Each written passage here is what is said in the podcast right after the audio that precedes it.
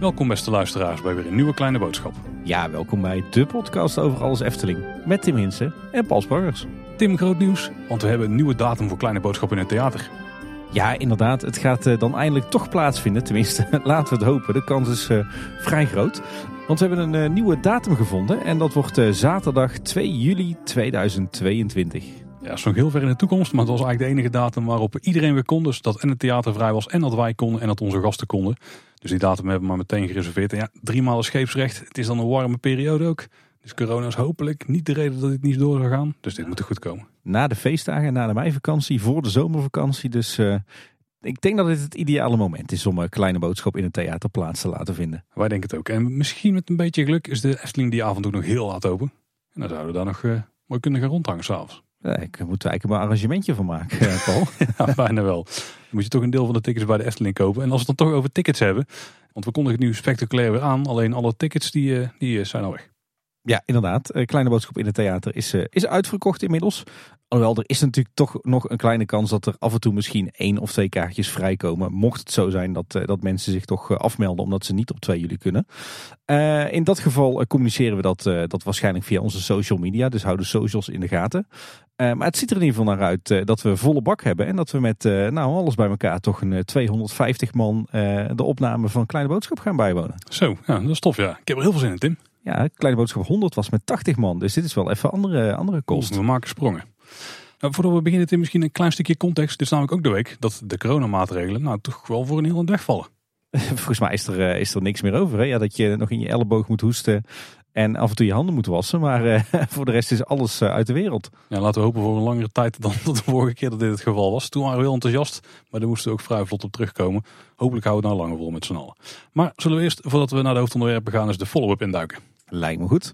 Uh, dan gaan we naar de follow-up op aflevering uh, 259. Dat was onze vorige nieuwsaflevering. Uh, we kregen een reactie van de luisteraar. die, die meldde... Ik hoorde jullie praten over Joris en de Draak en een eventuele retrack door RMC. Het is echter zo dat Great Coasters zelf ook werkt met stalen tracks. op die manier zou je de achtbaan meer onderhoudsvrij kunnen maken. De enige nadeel is dan wel dat je het wilde van een Woody verliest. Ik wist het helemaal niet. Ik ben er even ingedoken. En inderdaad, Great Coasters International, je kunt ook op hun site zien. Die maken vergelijkbare iBox tracks als eh, RMC. En die hebben ook wel vrij wilde layouts. Maar toch, RMC ik het idee dat die wat minder conservatief zijn in, in baanverloop en zo. Dus ik, uh, nou, ja, beide goede opties, denk ik. Ik zou niet helemaal weten wat het voordeel zou zijn om met Great Coasters te doen of met RMC, wat dan het verschil is. Maar nou ja, je, je, hebt al een baan van Great Coasters. Ik denk dat daar ook alle berekeningen en tekeningen liggen. Misschien is het dan makkelijker om hun uh, Joris en de Draak te laten retracken met een uh, stalen baan. Ja, dat misschien goedkoper is. Ja. ja dat zou zo kunnen. Ja. Maar wat mij betreft blijft het uh, een, een klassieke Woody en wordt het geen hybrid hoor. Laat het inderdaad lekker lang gewoon een houten achtbaan blijven. Kreeg ook nog een mailtje van Evelien Den Besten. die schrijft, beste heren van Kleine Boodschap, toch even een kleine opmerking over de meest recente podcast. Staantribune is namelijk geen clubblad van Sparta Rotterdam, maar een heel mooi blad over alles voetbal. Dan vallen we redelijk door de mand, Tim. Nou ja, volgens mij heb ik de vorige keer al wel opgebiecht dat ik eh, helemaal niks met voetbal of met sport in algemene zin heb. Dus uh, dat bevestigt uh, dit toch wel mooi.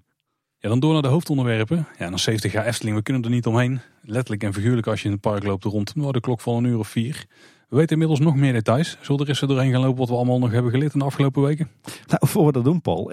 ik moest vandaag toch wel lachen. Ik weet dat, uh, dat er een aantal uh, Efteling-liefhebbers wat uh, tegen de, de vaandels hebben op de parkeerpromenade. En dan vooral het ontwerpen van. Maar ik zag vandaag ook vaandels voor 30 jaar Disneyland Parijs. En dan zijn die van ons toch ineens wel heel mooi stiekem hoor. Ja, het logo van Disney is wel heel chic. Maar de vaandels die waren een beetje, ja, misschien nog feller dan bij de Efteling. Beetje de, de action variant als het qua layout. Ja, dat zou je het ook kunnen zien. Ja. Maar inderdaad, eh, door naar 70 jaar Efteling. We kregen eh, trouwens een reactie van Jason, eh, een van onze luisteraars. En die wist ons nog te vertellen dat er niet drie, maar vier kleuren buttons te krijgen zijn rond het firmament. Rood, groen, geel en blauw. En dat betekent dat ik ook nog aan de bak moet voor de verzameling natuurlijk. Als je het toch over bakken hebt, heb je al een sammelbak ingericht hiervoor? ik zit uh, momenteel met een klein ruimteprobleempje. Dus ik, ik, moet in de stellingkast weer even een vak leegmaken voor wat nieuwe sammelbakken. Is er nog plek voor een nieuwe stellingkast? Of uh, in theorie wel, maar oh. dan moet ik thuis even wat uh, onderhandelingen starten. Hey, het jubileumlied, daar hadden we het de vorige keer al over. En mijn ervaring daarbij die was eh, vrij matig, ook omdat er toen weinig te doen leek te zijn rondom dat moment. Je had al iets betere ervaringen, maar het lijkt er toch wel steeds groter opgepakt te gaan worden. Ja, en dan met name op het, eh, het Hartenhof uh, blijkt het toch steeds uh, blijkt het toch best vaak uh, uit te pakken tot een groot feest. Wat daar zeker aan meehelpt is dat de medewerkers van Polder's Keuken volgens mij gezamenlijk een, een dansje hebben ingestudeerd. Nou, niet zomaar een dansje, het is bijna een soort flashmob. Een beetje de pancake dance. Ja, daar heeft het wel wat, wat van weg. Maar dan niet door, door entertainers of mensen van de Dansenacademie, maar gewoon door, door de koks en de gastheren en gastvrouwen van Polder's Keuken zelf. Die doen dat echt ontzettend leuk en goed. Er staan ook wat, wat filmpjes her en der online. En uh, op de een of andere manier trekt het Harthof om vier uur toch het meeste volk, lijkt het wel. En uh, ik heb al aardig wat, uh, wat filmpjes en foto's gezien dat, dat het hele plein uit zijn dak gaat. Zowel het personeel als de bezoekers. Dus zeker op het Harthof is het rond vier uur slaat het echt wel aan. Heb jij nog feestmoment ervaringen meegemaakt?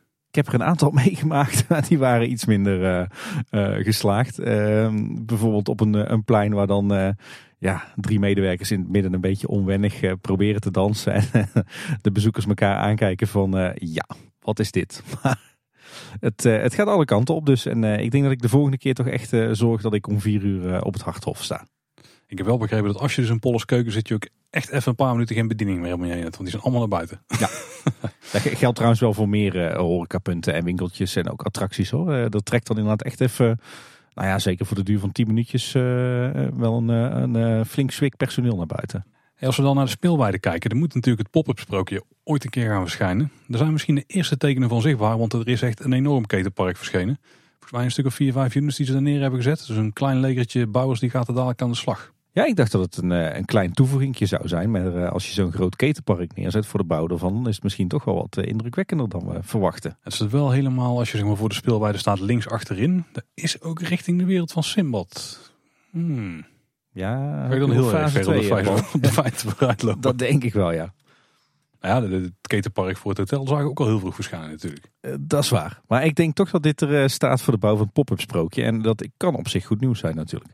Ja, vooral omdat ze het dan blijkbaar groter gaan aanpakken dan ik had verwacht. Of groter gaan aanpakken eigenlijk. Ja, verder weten we eigenlijk nog helemaal niks hiervan. Hè? Dus, uh... Nee, maar als je daar vier, vijf keten tegen elkaar aan plakt. En dan moet dan de, de, degene die het gaan klussen een beetje onderdak bieden. Dan vind ik dat toch meer dan ik had verwacht. Ik denk, dan gaan de mannen vier, vijf aan de gangen voor een paar dagen. En ja, dan precies. Ja, ja, ik had een beetje hetzelfde beeld. Hm.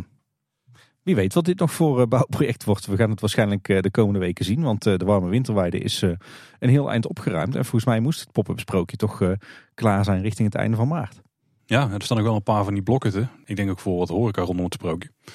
Maar er moet nog veel gebeuren als daar op korte termijn iets moet gaan verschijnen. Ja, ben heel benieuwd. Ook naar de, de omvang en de stijl. Ja? ja? Ja, ben benieuwd. En dan de muziekpaddenstoelen in het Sprookjesbos. De vorige keer melden we al dat daar een extra melodietje voor was ingespeeld. Van Lang zal ze leven. Maar het blijkt nu dat het menuet in G ook opnieuw is ingespeeld op een klaversymbol. Dus niet de originele opname. Nee, dit is inderdaad één, uh, één nieuw muziekstuk met als basis dus die menuet G zoals we die kennen. Maar daar inderdaad Lang zal je leven ingemixt. Maar ook uh, Happy Birthday. En dat, is, dat vloeit mooi in elkaar over. Ik moet zeggen, die menuet in G die klinkt ook redelijk zoals voorheen. Maar het is echt opnieuw ingespeeld.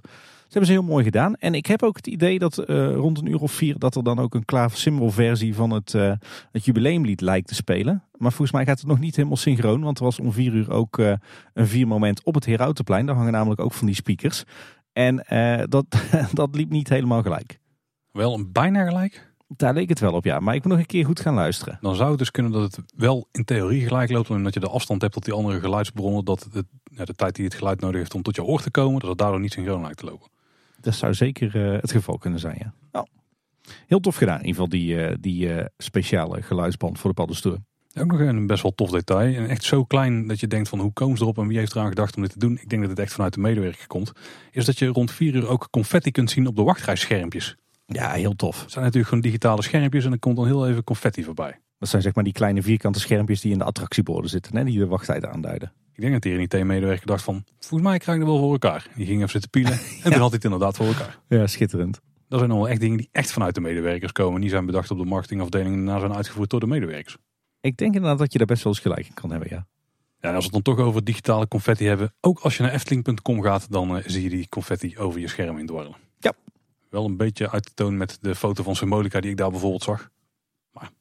Maar voor, voor, een paar maanden is dat een uh, niet zo heel vervelende plek om te zien. kleinigheidje blijf je houden, hè Paul. Ze zijn over gesproken over wel of niet vervelend om te zien. we vroegen ons de vorige keer af van, uh, Jos, zou er nou ook zo'n vier moment zijn op het Herautenplein? Nou, ik ben inmiddels in het Sprookjesbos geweest rond vier uur. En inderdaad, om vier uur barst de muziek los op het Herautenplein uit die tijdelijke speakers. Ik moet toch wel zeggen dat het daar wel heel erg misplaatst voelt hoor. Hm. Ja, dat kan ik me zeker voorstellen. Ja. Ik heb het zelf nog niet meegemaakt in wachtrij of zo, maar ook daar kan ik me wel voorstellen dat het misschien wel misplaatst voelt. Nou ja, in veel gevallen denk ik dan, ach, hè, voor, die, eh, voor die paar minuutjes dat het duurt en uh, het is zo november. Maar op het Herautenplein toch een beetje een heel mooi, sereen, rustig plein. Het hart van de Efteling. Heel stijlvol en dan om vier uur ineens uh, die muziek die daar uit de boksen knalt. dat is wat mij betreft toch wel lichtjes over de grens. Maar goed, het, het is zo november en zo zie je ook dat op heel veel plekken in de Efteling dat het, eh, het personeel uh, met name de feesthoedjes en de vlaggetjes overal opzet en insteekt. In veel gevallen vind ik dat erg geslaagd uh, of iets minder geslaagd, maar we kunnen er wel mee leven. Het viel me ook wel op dat de, de mooie houten beeldjes op het Gavioli-orgel in de stoomcarousel, dat die inmiddels ook feesthoedjes op hebben. Misschien ook wel een beetje misplaatst op toch zo'n heel bijzonder orgel, wat toch echt een stukje cultureel erfgoed is. En ze hadden zelf met, zelfs met plakband een vlaggetje aan de dirigeerstok van de dirigent geplakt. Vind ik net iets te ver gaan. Maar goed, wat overigens wel goed was om te zien, is dat uh, het stokje van de dirigent het wel weer doet. Want uh, die was een tijdje geleden van het, uh, het orgel afgetikt. En die zitten we vast nu. Ja, maar zo'n vlaggetje eraan zal hij misschien ook niet zo heel lang volhouden dit keer. Nee, maar goed, het is zo november. Hey, ze zijn rondom de Efteling flink aan het graven. Ik bedoel, iedereen heeft het erover. Hè. Ik hoorde al mensen grappen dat ze met de bouwhelm en de stalen neus naar de Efteling gingen. Ik denk dat het in jouw geval niet eens heel ver van de waarheid af ligt. Nee. Zult dus even opsplitsen in een paar delen. Want we hebben de werkzaamheden voor de entree, rondom de entree en inmiddels ook in het entreegebied daarachter. Ja, we houden allebei van structuur en het bedrijf ook eh, in heel veel subkopjes uh, uh, opgedeeld. Overigens, even een misverstandje uit de wereld helpen. Er verschenen na onze vorige nieuwsaflevering ergens een artikel met de kop Efteling-liefhebbers uh, vinden dat... Uh, uh, eisen excuses. Eisen excuses van de Efteling. even om dat in het juiste perspectief te zetten. Wij willen helemaal geen excuses van de Efteling voor die werkzaamheden. Integendeel, we zijn er alleen maar voor. Het enige wat we geloof ik in de bijzin hadden gezegd is... joh, hang als Efteling nou een bordje op met excuses voor, de, voor het ongemak of voor de overlast. Maar dat stond ineens als titel van een artikel. kwam dat heel erg raar over. Ze moeten het vooral als een communicatiekant zien. Hè? Om mensen toch nog een beetje, ja, misschien wel iets extra's mee te geven, zelfs omdat die uh, werkzaamheden daar zijn. Ja. Eerst eens maar beginnen bij het parkeerterrein. Dat is toch ook het eerste waar we langskomen als we richting de Efteling gaan. En dan hebben we daar de lange kant, waar ze dus uh, een groot gat aan het graven waren. En jij gokte al, het wordt een sprinklerkelder. En Tim, je had gewoon helemaal gelijk. Bam. Dit is gewoon dit is het enige wat dit kan zijn. Punten voor de glazen bol. Uh, ja, niet helemaal. Ja, nee, zo werkt dat niet helemaal. Nee. Ja, daar zijn ze ook al eh, stiekem best ver mee. Ze hebben daar inmiddels de hele vloer gestort. Ze zijn nu ook bezig met de bekisting van de wanden die omhoog komen te staan. En het grappige was, ik heb me hier echt enorm op gekeken. Want ik zag er wel foto's van in het begin. En toen dacht ik van, oh ja, dat wordt eigenlijk niet zo'n heel groot keldertje. En toen zag ik in één keer een foto dat er iemand bij zat. En non de judo, wordt echt een flinke kelder. ja, inderdaad. En dan vertelt ons ook gelijk wel wat over, uh, over de inhoud. Want uh, voorheen, de oude sprinklerkelder, die zat natuurlijk uh, onder het dwarrelplein voor de wandelwagenstalling. Dat was eigenlijk maar een klein keldertje, want er zaten de pompen in die het, die het water uit de Vondelplas, zeg maar de Aquanura vijver, naar het, het Efteling Hotel en het Huis van de Vijf Zintuigen zouden pompen in geval van brand. Maar deze kelder is echt enorm. Dus dat doet mij toch wel vermoeden dat we hier nu gewoon een aparte watervoorziening krijgen. Dus dat er een grote waterkelder onder het parkeerterrein komt te liggen. Uh, er ligt ook een klein keldertje voor, zoals je kunt zien als je nu op de bouwplaats kijkt. Ik denk dat daar de pompen in komen. Nee, ligt ook iets lager volgens mij. Ja, dus ik denk dat we hier inderdaad echt een, eh, een aparte bluswatervoorziening krijgen voor het Huis van de Vijf Zintuigen en het theater. En dat zou misschien ook wel verklaren waarom er nog steeds volop wordt gegraven op het theaterplein. Want er moet natuurlijk een nieuwe leiding komen te liggen vanaf die uh, sprinklerkelder naar het Huis van de Vijf Zintuigen en het theater. Ja, daar moet ik flink bij zijn, want die moet natuurlijk al die sprinklers gewoon aan kunnen sturen. Ja, er moet flink veel eh, druk op eh, staan. En er wordt ook allerlei eisen gesteld eh, aan instandhouding en zo. Dus uh, krijg ook de vraag van, zou die ook voor het hotel zijn?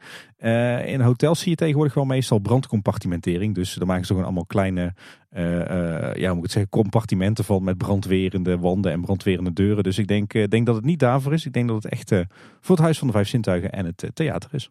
Ik probeer een beetje in te schatten hoe groot die kelder is. Ik heb geen idee eigenlijk, maar ik denk dat een meter of nou, 15 tot 20 breed is hij al handig. Dan zal ook een meter of 30 diep zijn, denk ik. Als in uh, diep als in de parkeerplaats op. En dan nou, toch wel een meter of twee hoog bijna. Ja. Anderhalf tot twee meter hoog. Dat is echt een flinke kelder. Daar gaan heel wat kubes in. Ja. Maar ja, het moet ook in geval van brand, moet hij ook de brand kunnen blussen. Hè? Ja, maar wat voor water zou erin komen? Dat gaan er niet regelmatig opvangen of zo? Nee, ik denk dat deze gewoon aangesloten zit op de waterleiding. Oh, zou dat? Dus, oké. Alleen heb je gewoon een flinke buffer. Want de waterleiding alleen kan die druk niet aan die je nodig hebt in geval van brand. Hey, over het gesproken, Paul. er zijn natuurlijk aardig wat bomen gesneuveld uh, tussen het Sprookjesbos en uh, de korte kant. Uh, met name langs de spoorlijn. En nu was ik dus vorige week even op het Herautenplein tijdens dat viermoment. En er viel me toch wel op dat er nu heel weinig bomen over zijn gebleven tussen het Herautenplein en het entreegebied. Als je nu bij de Kleine Klaroen op het terras zit, wat nogal vaak voorkomt in mijn geval, dan kijk je echt zo dwars door, nou ja, door nog drie resterende bomen heen naar het Huis van de Vijf Zintuigen en het uh, theater. Heb je dan ook mooi uitzicht over het bouwtuin op de korte kant? De, uh, ja. Is dat een goede plek om zo'n foto's te maken? ja. ja. Estel Wesley gaat erop af, jongen. Nee, het, is, het is met name als je zeg maar door de, door de, waar voorheen de boomtoppen waren. Nou, die zijn dus nu grotendeels verdwenen. Volgens mij staan er nog drie bomen. Dan kijk je vanaf het Herautenplein zo op het Efteling Theater. Hm. Ja, nou hopelijk uh, groeit het snel weer dicht in de toekomst. Of gaan ze daar gewoon een heel snel het sprookjesbos uitbreiden. Ja, volgens mij komt hier toch ook die, uh, die tuin te liggen van het, uh, het hotel. Die je naast de loopbrug gaat zien wanneer je naar de hotellobby gaat lopen. Dan heb je aan je linkerhand toch zo'n plantsoen met wat, wat rotspartijen, wat waterval en heel veel groen. Zou dat niet ook heel veel van die zichtlijn wegnemen weer? Ja, uiteindelijk wel richting het Huis van de Vijf Zintuigen. Maar die ligt wel iets meer richting het huidige dorpplein, toch? Dat pad. De Routenplein is al iets meer richting de plek waar het Sprookjesbos zelf uitbreiding zou gaan krijgen. Uiteindelijk uh, zie je daar helemaal niks meer van een parkeerplaats. Want er wordt gewoon, als het goed is, één groot bosdeel met stadje, wie weet. Hè? Ja, laten we het hopen dat inderdaad die, die sprookjesbosuitbreiding daar snel gaat komen. Ja, dan moeten we denk ik even naar het uh, festivalpodium. Oh, ik bedoel het Huis van de Vijf Zintuigen. Ze hebben het grootste laadplein van de Benelux. Bij de Efteling zouden ze inmiddels ook de grootste stijger hebben. Wel de meest indrukwekkende stijger, eh, denk ik. Ja, je kunt er in ieder geval dichtbij komen. Ja, heel veel grote gebouwen natuurlijk ook flinke stijger. Dus we moeten niet overdrijven. Maar het is wel vrij indrukwekkend wat er inmiddels opgebouwd is. Het is een ingenieuze constructie. Ja? Het hele Huis van de Vijf Zintuigen staat onderhand in de stijgers. Uh, aan de voorkant staat echt een enorme stijger. Die is inmiddels ook helemaal op, op hoogte. Die staat voor de middelste punt. En maar ook aan de achterkant uh, staat een grote stijger. Die staat zeg maar tegen het, uh, het vierde zintuig aan, als je dat zo mag noemen. Hè? Die, die punt aan de achterkant waar die glas- in loodbestikkering ook op zit. En er staat ook een stijger rond de Efteldingen. Dus ja, buiten de meest linkse en rechtse punt staan, staan de andere punten in stijgers. Zo. Nou ja, als de stijger er staat, dan wordt er natuurlijk ook gewerkt. de rietdekkers die zijn inmiddels ook bezig met, met het riet van het Huis van de Vijf Zintuigen. Uh, het lijkt erop dat ze toch vooral heel erg plaatselijk bezig zijn. Zo zie je bijvoorbeeld uh, dat ze aan de achterzijde aan, uh, aan die punt bezig zijn. Het vierde zintuig, zeg maar. Daar hebben ze zeg maar, het gedeelte onder die punt hebben ze ontdaan van het riet. Daar kijk je zo op de, op de kapconstructie. Dus daar wordt het in ieder geval volledig vernieuwd. Ik heb het idee dat het verder vooral heel plaatselijk onderhoud is. Want ze zijn tot nu toe vooral bezig geweest met het, uh, het uithalen van het, uh, het, het riet wat in slechte staat is. Dus je ziet nu uh, heel erg vlekkerig patroon op het Huis van de Vijf Zintuigen. Ik heb nog niet echt de indruk dat ze alles gaan vervangen of echt hele grote oppervlaktes gaan vervangen. Dus het is voor mij nog een raadsel wat hier precies gaat gebeuren. Ja, hoor ik wel wisselende geluiden over, ja. Ja, ja we hadden al zo'n in- en uitgangsoverkapping tent. En die hebben ze uitgebreid met nog een extra tent aan de zijde van het Huis van de Vijf Zintuigen. En daardoor hebben ze nog meer capaciteit voor het binnenkomen in het park. En dat is misschien ook wel een tip als je nou daar in de rij gaat staan. Dan vormen zich vaak twee rijen, eentje links en rechts. Als je naar de rechts pakt, kom je uiteindelijk zo uit op het stuk met de meeste controlehokjes. Of de meeste controleroutes. Misschien dat er iets anders is als dadelijk alle maatregelen weg zijn en het coronatestbewijs niet meer gecontroleerd hoeft te worden. Zal de doorstroming iets beter zijn. Dat zal veel schelen, denk ik. Hoor. Misschien iets om rekening mee te houden. Ja.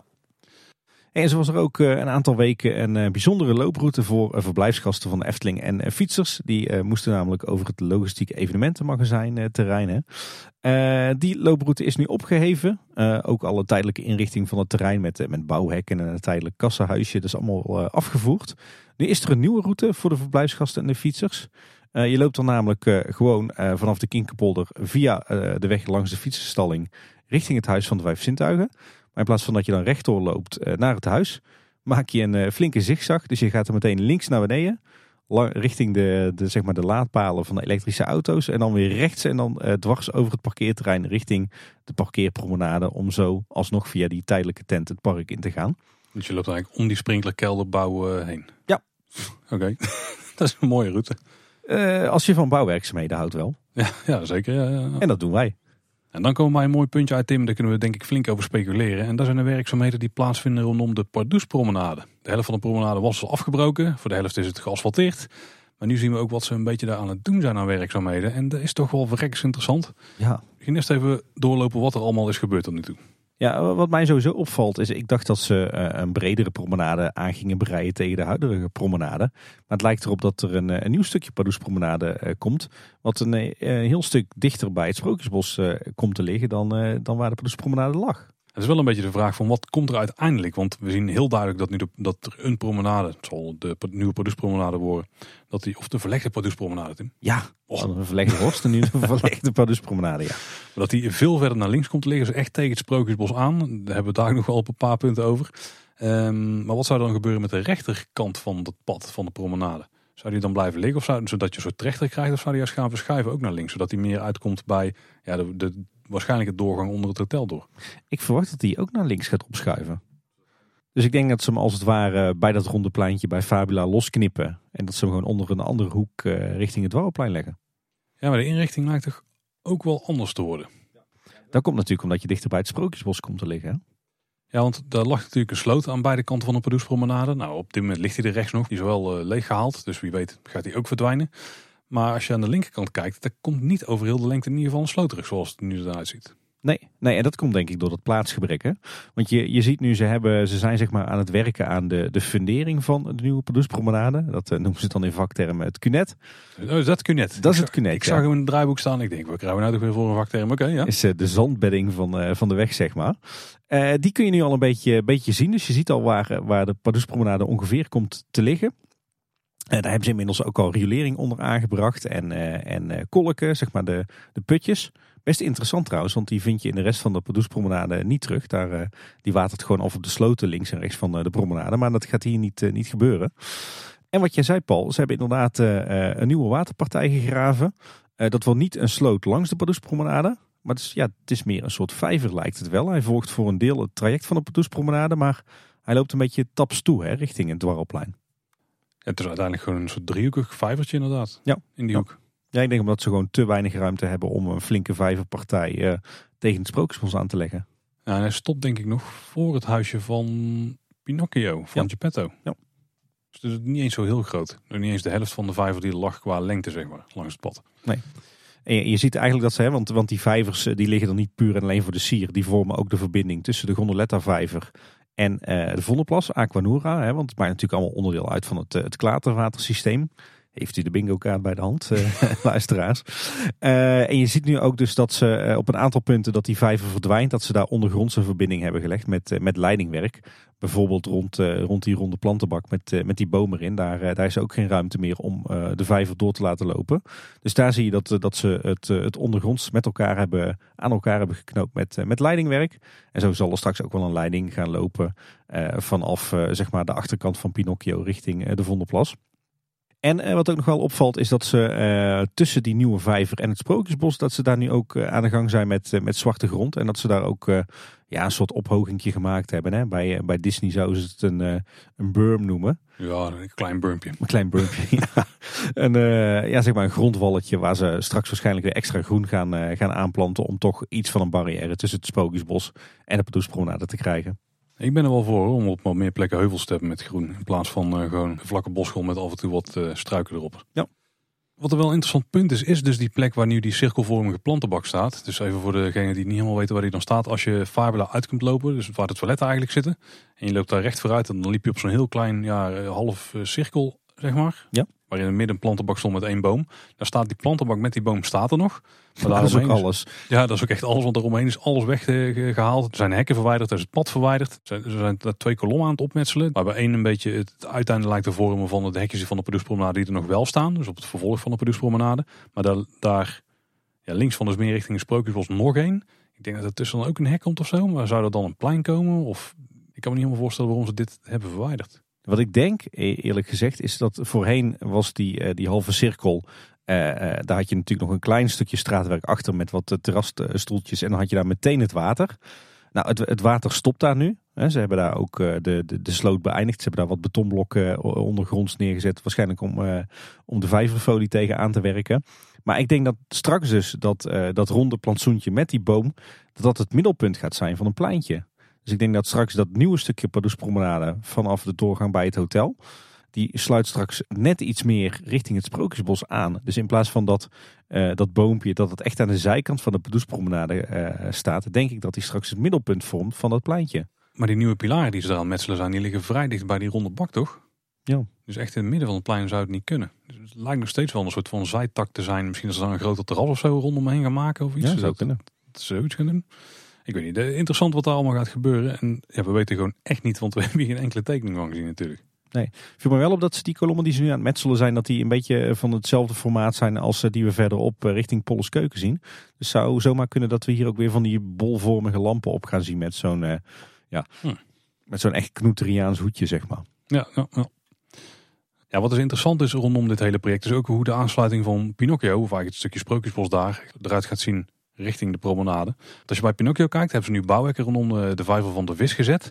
Die vijver is ook leeg. Dat ziet er altijd een beetje lullig uit, hè, omdat die, die vis niet helemaal tot de bodem van de vijver loopt. Dus dan is de illusie natuurlijk weg. Maar als je naar de achterkant van die vijver kijkt, dat ligt een beetje zo'n uitlopertje, wat je volgens mij het idee moet geven dat het in de verte nog heel lang doorloopt. Maar die is doorgebroken ook. Ja. Dat zou natuurlijk een paar redenen kunnen hebben. Eh, een aansluiting op die sloot lijkt het niet te worden. Zaten er nog even aan te twijfelen. Maar ja, die sloot ligt er veel te ver vandaan. Dus dat lijkt me niet logisch. Zouden ze daar gewoon een stukje aan het inkorten zijn geweest van die vijver? Dat denk ik. Ik denk dat hij net uh, het uiteinde net in de weg heeft gelegen voor de werkzaamheden misschien. Ja, dus dat ze die vijver die gaat dan net iets korter worden daar. Zoals was wel aardig wegwerken. Ik denk dat ze het ook nodig hebben omdat ze daar dan meer groen kunnen plaatsen. Zodat je het zicht op de promenade niet hebt. Dit lijkt wel de enige plek te zijn waar het echt zo'n impact heeft. Hè? Want de rest van de Sprookjesbos lijkt er net ver genoeg vanaf te liggen om... Ja, je kunt het de achterkant van het hasje van Roodkapje nu ook ik wel vrij zeggen, bij, uh, bij Roodkapje heeft het toch ook wel impact, Ja, dat klopt, ja. ja. Nou ja, laten we hopen dat er gewoon veel nieuw groen wordt aangeplant op uh, die grondwal die ze nu aan het maken zijn. Ja, dat moet er goed komen. Ja. En dan het andere project daar is natuurlijk het pad richting eh, de, wat vroeger de Steenbok was. De Steenboklaan was in het, uh, in het vakjargon bij de Efteling heet het de Steenboklaan, ja. Nou, het zou kunnen dat het nog steeds zo heet. zou ook een mooie knip ook zijn naar het verleden natuurlijk. Ja, daar hebben ze echt enorm veel gedaan. De vorige nieuwsaflevering konden we melden dat ze daar al flink aan het klussen waren. Maar nu is uh, nou ja, vrijwel alles wat daar langs lag weggehaald. Ja, je zou eigenlijk kunnen zeggen, je hebt uh, zeg maar het gebouw van Fabula. En Fabula heeft nog een soort back of the house, zeg maar, een, het achter de schermen gedeelte. En eigenlijk het, zo'n beetje de hele inrichting tussen de Padoespromenade en de ingang van die back of the house van Fabula. Dat gedeelte, daar is alles weg. De bomen die zijn, zijn gekapt en de boomstoppen die zijn inmiddels ook afgevoerd. De asfalt is eruit, de bankjes zijn weg, de lantaarnpalen zijn weg. Dat is één grote zandbak geworden. En daar zijn ze nu momenteel in ieder geval begonnen met het, het graven van een, een sleuf wat waarschijnlijk kabels en leidingen. Maar daar is alles weg. Ook het, het groen wat op de hoek stond, tussen de Steenboklaan en zeg maar de, de sloot langs de Padoespromenade. Daar stonden ook nog aardig wat, wat bomen en heel veel struikgewas. Dat is ook allemaal weg. Dus je nu over het spoor komt, dan heb je eigenlijk rechts voor je een helemaal kale vlakte waar eerst nog groen stond. En daar ligt dus ook nog steeds die vijver, maar die zal dus ook wel voor een deel gaan verdwijnen, vermoed ik. Ik denk dat in ieder geval het hoofddoel hier is, is veel meer capaciteit creëren op de laan die daar lag. Omdat dat straks een hele belangrijke, uh, dat gaat een heel belangrijk pad worden. Want er komt waarschijnlijk een tijdelijke overgang daarop uit. En dat is de overgang waar iedereen door de Haak het park in komt. Ja, dan kan je niet over dat lullige asfaltweggetje heen van 2,5 meter breed wat er lag. Ja, dat zeg jij nou. Maar het, het, je hebt natuurlijk wel nog steeds vervolgens de bottleneck bij de achterkant van vrouw Bolteskuge. Want daar verandert niks. Het is echt alleen maar dat, dat eerste stukje tot aan de achterkant van Fabula. Hebben ze wel van die zitjes staan aan de rechterkant tegen de hergaan. Als ze die weghalen, scheelt natuurlijk ook wel wat capaciteit. Ik, ik, nou, ik, ik sluit me wel aan bij jou dat het best wel zou kunnen dat we hier een uh, tijdelijke spoorovergang krijgen met uh, een tijdelijke ingang park, zolang ze aan het hotel uh, aan het bouwen zijn.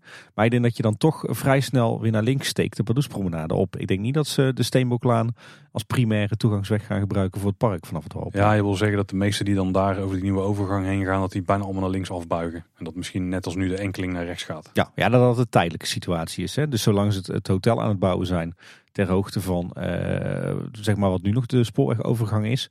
Dat ze dan gewoon rechts daarvan, ter hoogte van de achterkant van Fabula, de tijdelijke uh, spoorwegovergang met toegangpark maken.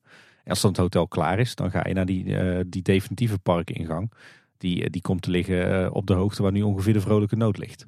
Wat ik dan toch wel benieuwd naar ben, is wat gaat er dan gebeuren in die, die kaal geplukte hoek daar? Want het zou een soort ruime bocht kunnen worden nu, hè, of een, een flink afgesneden bocht richting de Padoespromenade. Ja.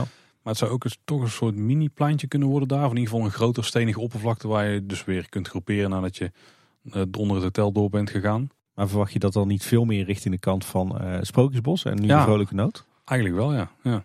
Alleen daar heb je natuurlijk die plek misschien niet. En aan deze kant kun je hem wel pakken. Dat is wel heel vreemd, want je verwacht bij zo'n statig symmetrisch gebouw, als we van de tekeningen op loopings uit mogen gaan, dat als je er doorheen bent ook weer bij een statige en symmetrische ja, plek uitkomt. Dus pleintje met promenade en uiteindelijk daarna buigt het allemaal af en zo.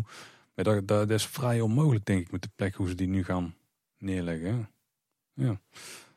Nou, meer vragen dan antwoorden hier ook. ja, hoort er ook een beetje bij, hè, zo aan het begin van het, eh, het bouwproces.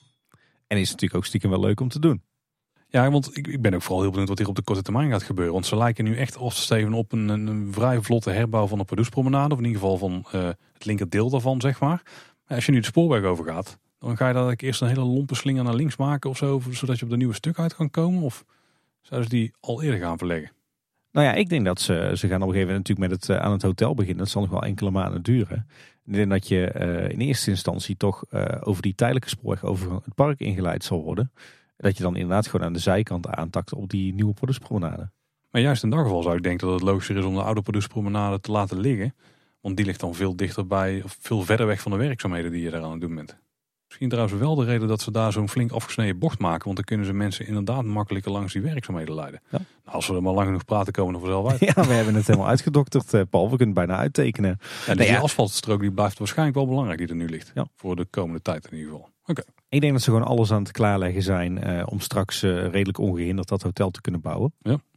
Dit alles betekent trouwens wel dat eh, de Steenboklaan momenteel is afgesloten. Dus je kan niet vanaf de Pardoespromenade zo richting eh, de Fata Morgana en eh, Bekkerij Krumel lopen. Daar hebben ze nu netjes opgelost, want er staan nu her en der wat bordjes die je doorverwijzen naar de Fata en Maxim Moritz. eigenlijk via de ingang bij het spookslot.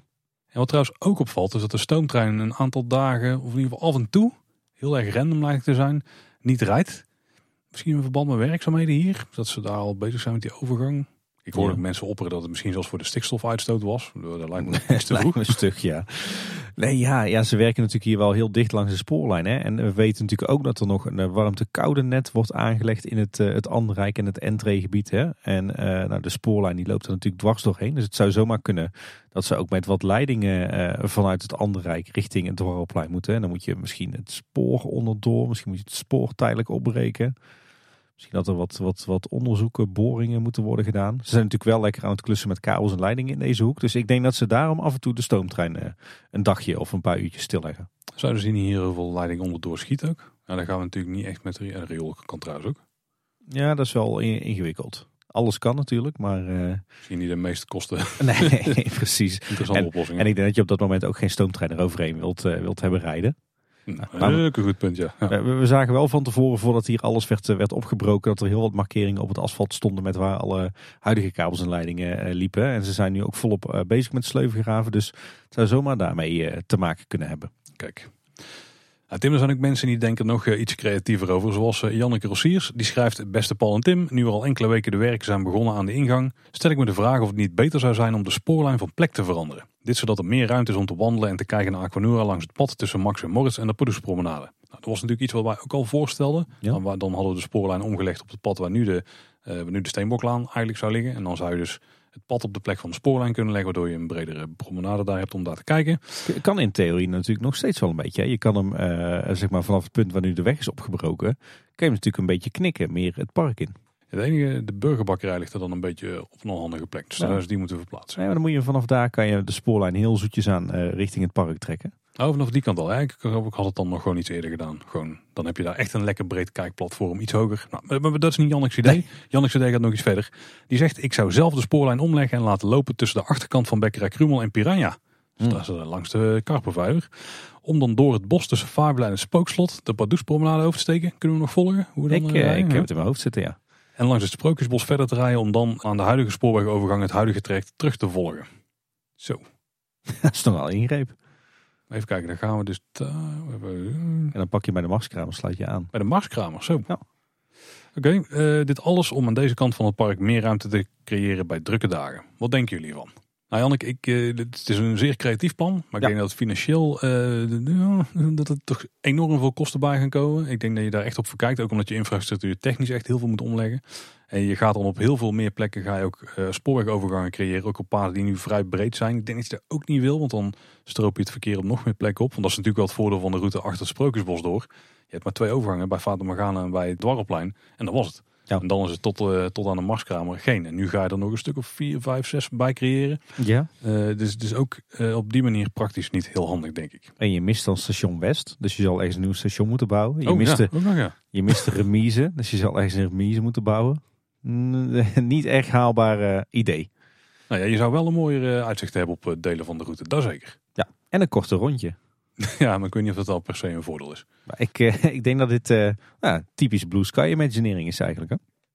Eh, veel bluer worden de skies niet, denk Nee. ik. Hey, dan, nou wel, mijn metroplan is nog meer blue sky trouwens. Ja. ja, dan met Sprookjesbos. Daar zijn ze natuurlijk bezig met de nieuwe ingang. De vorige keer meldde dat het soldatenpoort was verplaatst.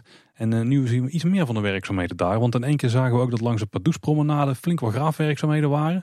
En dat eh, de dienstpoort die daar was, dat die was weggehaald. Die daar normaal gesproken dat asfaltpad waar je ook overheen liep als je het sluippaadje gebruikt richting de toiletten of tussen het toilet en kogeloog. eh, dat, die poort is gewoon weg nu. En daar hebben ze alles opengebroken en daar zijn ze een nieuw pad aan het creëren. Ja, ja, en eigenlijk om het eh, een beetje makkelijk inzichtelijk te maken, dat die nieuwe aansluiting op de Paduspromenade, die komt een eindje links van het pad wat, wat voert naar de toiletten van het Harthof. Dus zeg maar de toiletgroep aan de achterzijde van Polles Keuken.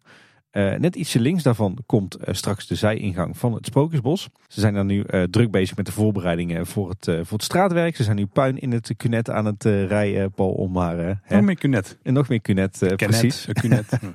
En ja, aan de Paduspromenade zijn ze ook aan het werk aan funderingsstroken voor een nieuwe poort. Ja, en ik denk dat dit zo'n poort wordt vergelijkbaar met de poort die we eerst hadden bij eh, ja, de vorige plek waar de soldatenpoort stond.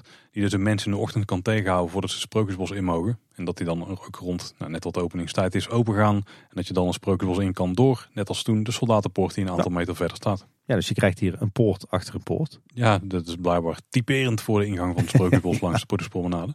Nou, daar wordt in ieder geval hard aan gewerkt. Ik denk dat we het straatwerk hier de komende dagen wel, eh, wel gaan zien. En dat er ook gemetseld gaat worden aan eh, die nieuwe po- poort. Ik ben benieuwd hoe die eruit komt te zien. Ik ben ook benieuwd wat dit betekent voor eh, de dienstweg. Die natuurlijk hier ook nog ergens doorheen kronkelt.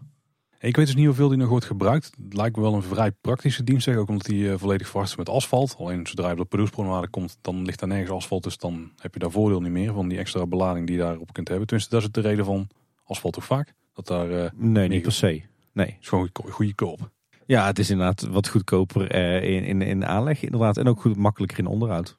Wat natuurlijk zou kunnen is dat de, dat de dienstpoort terugkomt, maar dan een stuk verder naar achter. Dus dat het stuk waar je dan als bezoeker overheen gaat lopen, dat er niet zo'n lullig stukje asfalt is. Wat er nu in principe lag, wat je dus ook eh, over moest richting de toiletten. Maar dat je gewoon over een mooi bestraat pad gaat, dan bij de eh, soldatenpoort komt en dat je dan gewoon het sprookjesbos weer betreedt. En dat er dan een vrij onopvallende, waarschijnlijk bruin gebijtste poort als dienstpoort staat. Vergelijk met hoe die langs de Padoespromenade lag, maar dan iets verder naar achter. En dat, die, eh, dat het dienstpad gewoon blijft liggen. Want dat is ook toegang tot het back of the house van Rondje van de Molen en Pols Keuken natuurlijk. Ja, en waar dat die er, eh, de reden dat die er vooral ligt is omdat het eigenlijk een soort afsnijroute is. Hè, zodat eh, bevoorrading eh, eh, en met name ook calamiteitenvoertuigen, dat die niet helemaal over eh, het Harthof heen moeten om Polskeuken heen. Nee, ze kunnen er gewoon achterlangs.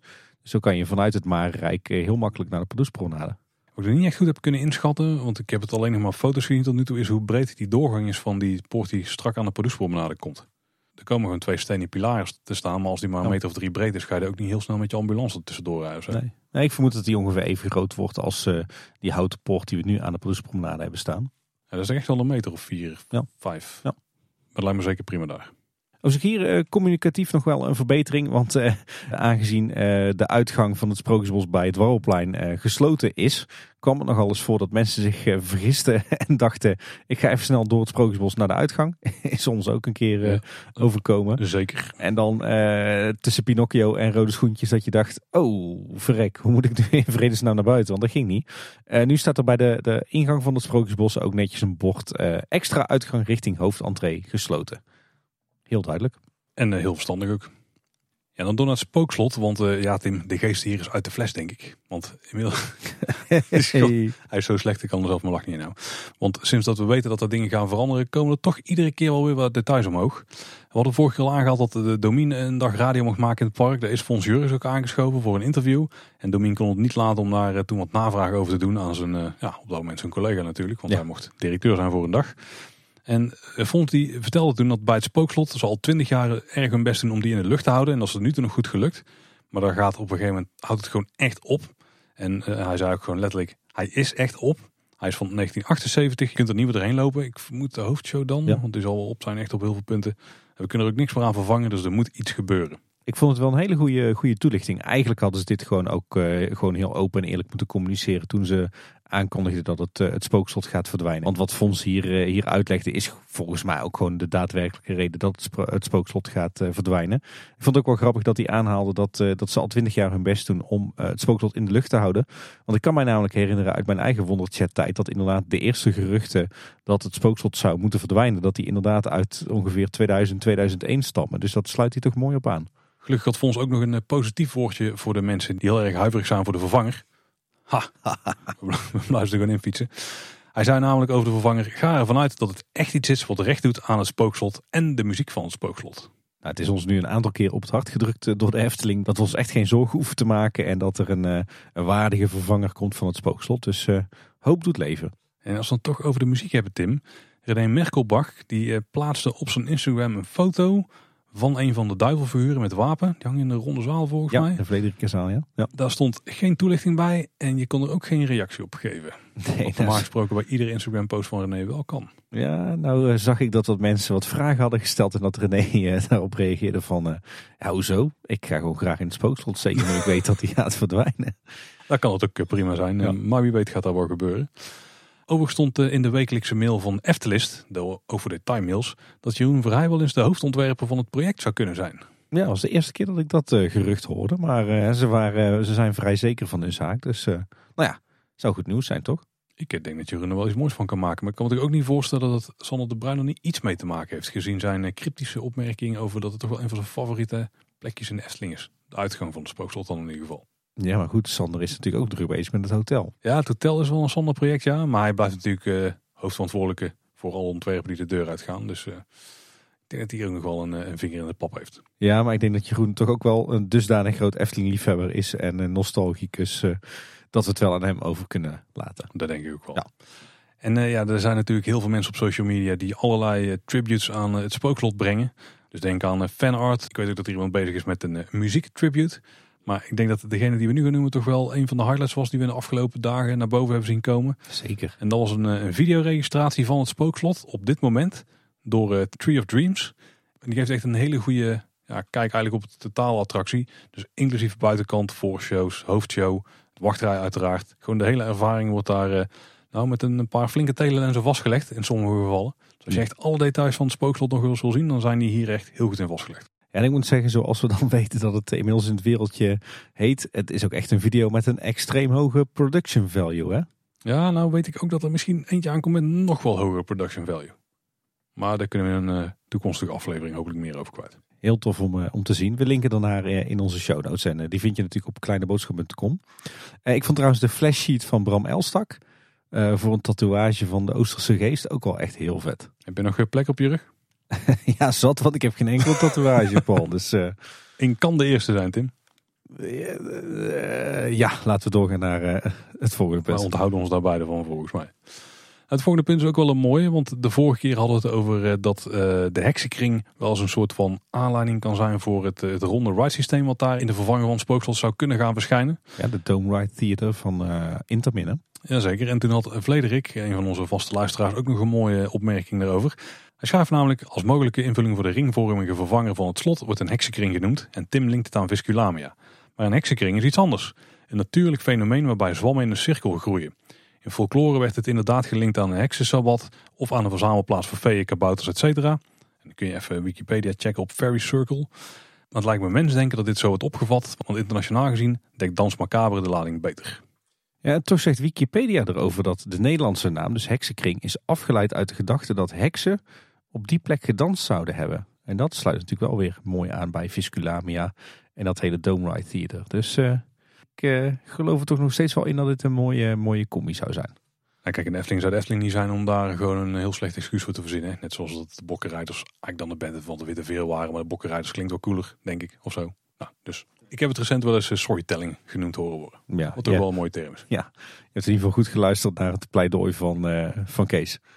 En dan doen we het blokje over de coronacrisis. Dat is in dit geval een vrij gunstige voor de Efteling. Met heel veel goed nieuws inderdaad. Want er waren natuurlijk flink veel versoepelingen aangekondigd. Die zijn inmiddels allemaal ingegaan. Wij hebben ze ook niet mee mogen maken natuurlijk. Want voor ons als we het opnemen is het morgen pas dat ze ingaan.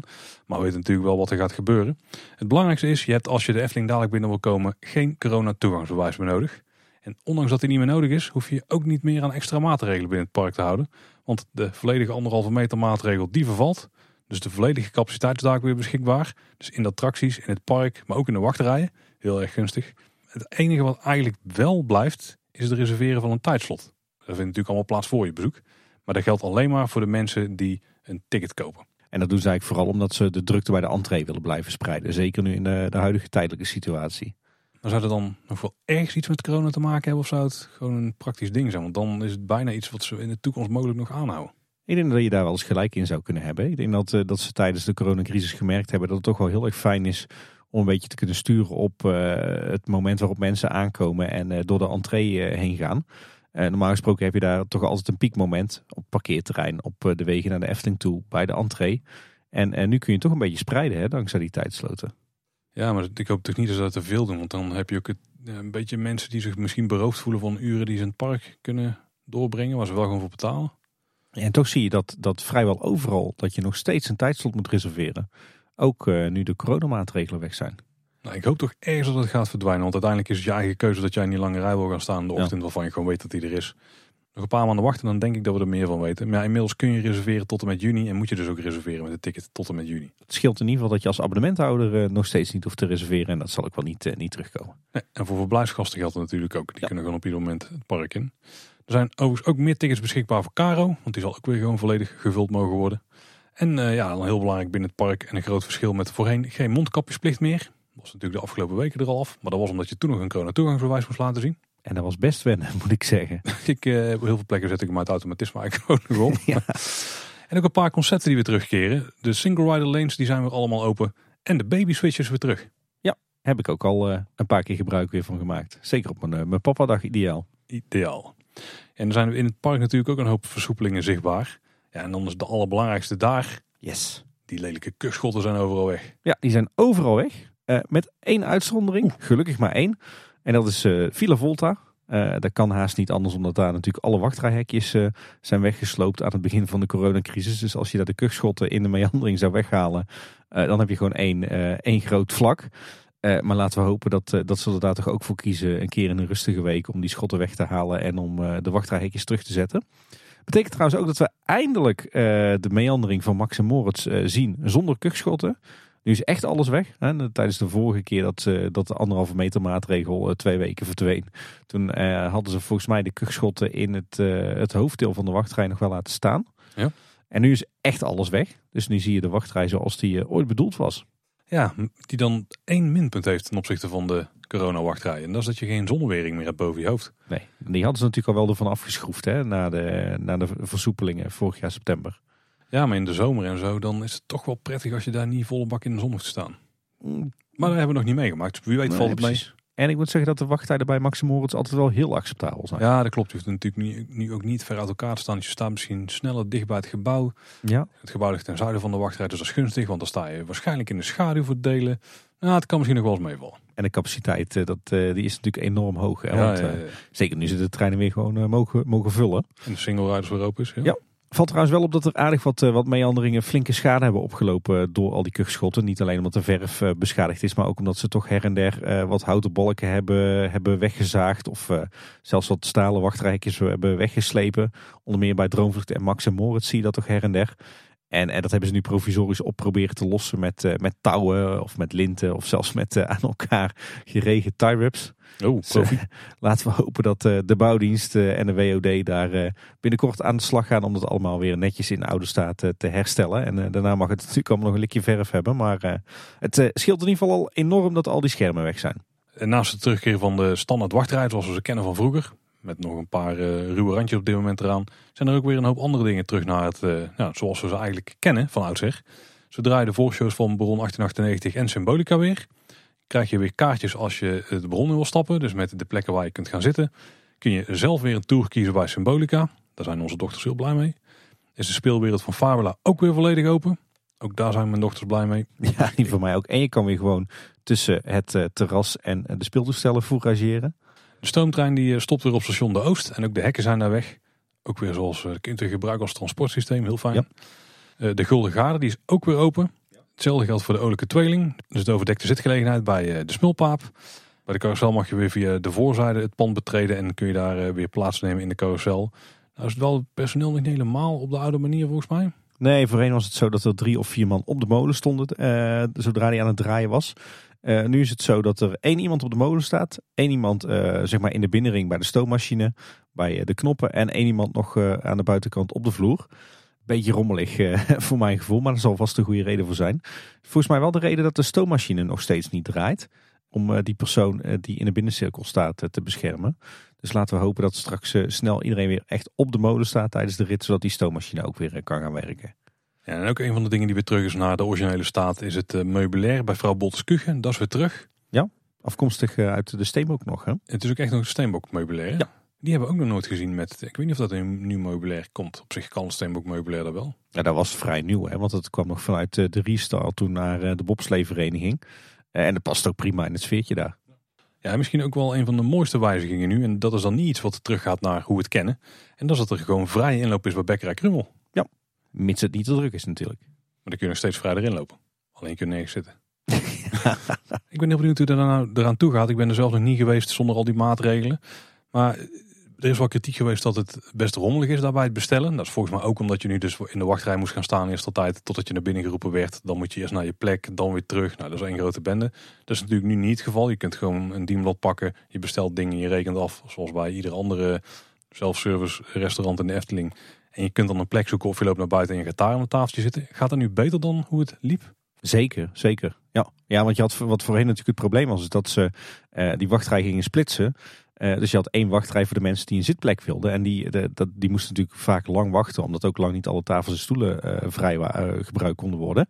en je had een wachtrij voor mensen die alleen even wat wilden halen en weer naar buiten gingen. Uh, dus dat liep dan kriskras door elkaar heen. En de ene rij ging sneller dan de andere. En nou ja, dat was allemaal niet handig. Nee, dat gaat nu een stuk uh, geordender. En wat ook uh, slim is, is dat je hebt natuurlijk in het, in het midden, als je gaat afrekenen, heb je twee kassa's waar je ook koffiespecialiteiten kunt, kunt halen. Dat vertraagt de boel natuurlijk ook wel een klein beetje. En ze hebben nu aan de rechterzijde, dus zeg maar tegen de, tegen de achterkant van het gebouw aan, hebben ze ook een klein kassa locatie gemaakt. Waar je dus kunt afrekenen als je geen koffie hoeft. Dus af en toe roept die kassadame van, uh, is er iemand zonder koffie? En uh, nou, dan kun je daar gewoon meteen afrekenen. En waar zit hij dan precies? Zit hij aan de rechterkant van die balie ook? Want dat, was, dat is nog een stukje balie, zeg maar. Nee, die zit uh, zeg maar rechts tegen de muur aan. Oh, naast de, de, de vitrines, zeg maar. Ja, je hebt er zo'n zo'n boog waarmee je naar het, uh, zeg maar de graanschuur kan lopen. Een beetje aan de kant waar ook de toiletten zitten. En daar hebben ze een heel klein, uh, ja, daar eigenlijk gewoon een, een plateautje gemaakt met een stoeltje en een kassa dat is een soort extra kassa waar je kunt afrekenen als je geen koffie hoeft. Ziet er wel netjes uit ook? Ja. ja. Oké. Ja.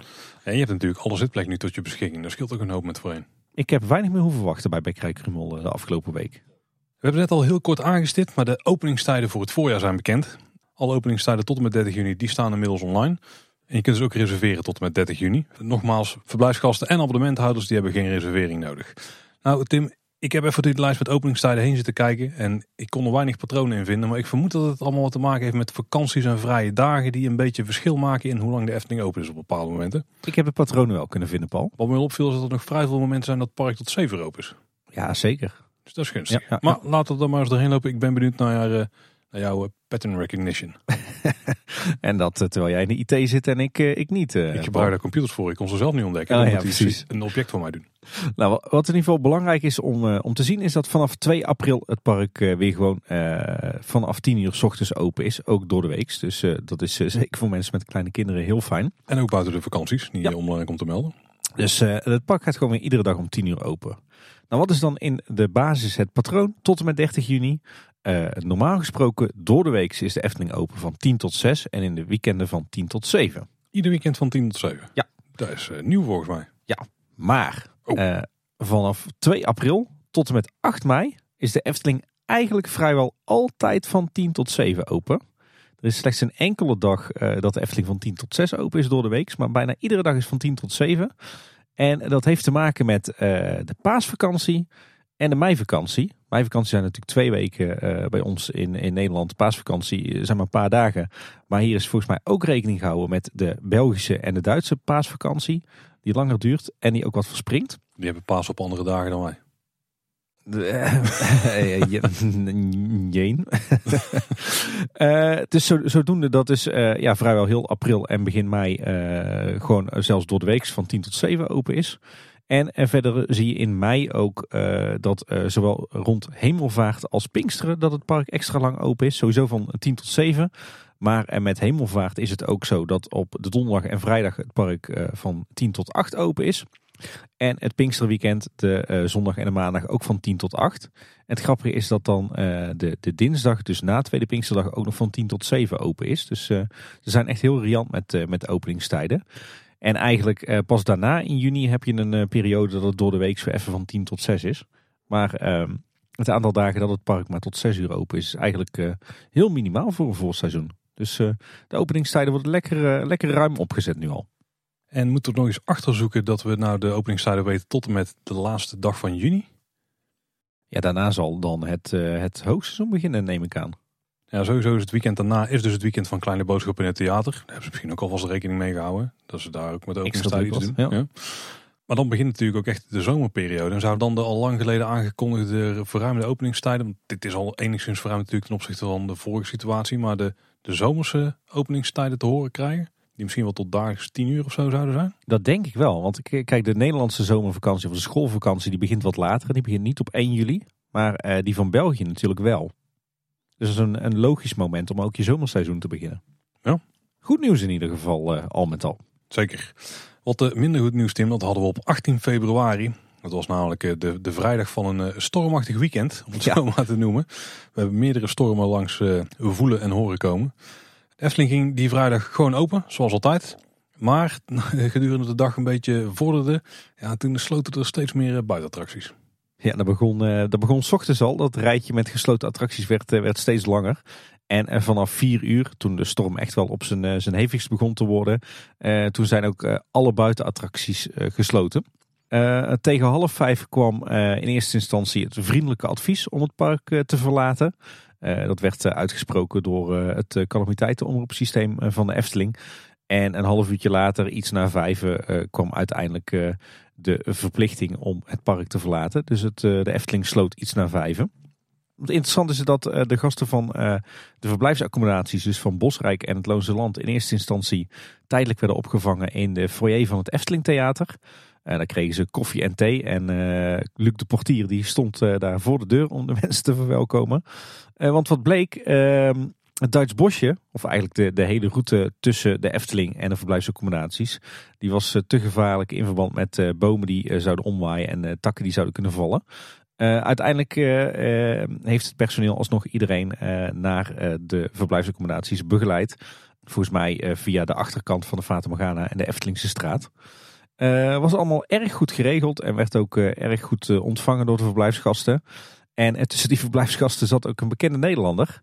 Aafbrand Kostius. Eh, we kennen denk ik allemaal wel als eh, onder meer schrijfster. En ze schrijft ook eh, columns voor de Volkskrant. Ik ken het trouwens vooral van Wie is de Mol. Weer een aantal seizoenen ja, Zeker, zeker. En daar schrijft ze wel vaker columns over haar, haar liefde voor de Efteling. en deze keer deed ze verslag van die stormachtige vrijdag in de Efteling. En hoe het Efteling personeel omging met, ja, met de verblijfsgasten. En hoe zij daar in de watten werden gelegd in het theater. Ontzettend toffe column. Ik denk zeker voor alle mensen die eh, die dag eh, gewerkt hebben in de Efteling en die dat mogelijk hebben gemaakt. En, en zoals Aaf zei, eh, eigenlijk had de Efteling ook gewoon de coronacrisis moeten managen. Ja, daar was niet iedereen het mee eens. Maar ik denk dat dan ook wel vanuit een bepaald oogpunt was gemanaged. Ja, nou ja, ik denk dat de Efteling die vrijdag wel echt een topprestatie heeft, heeft geleverd op, op calamiteitenmanagement. Want dat liep toch allemaal heel erg vlotjes en netjes. Er zat op een paar punten ook goed vooruit gedacht. Zo waren bijvoorbeeld de slagbomen van de uitrit van het parkeerterrein verwijderd, preventief.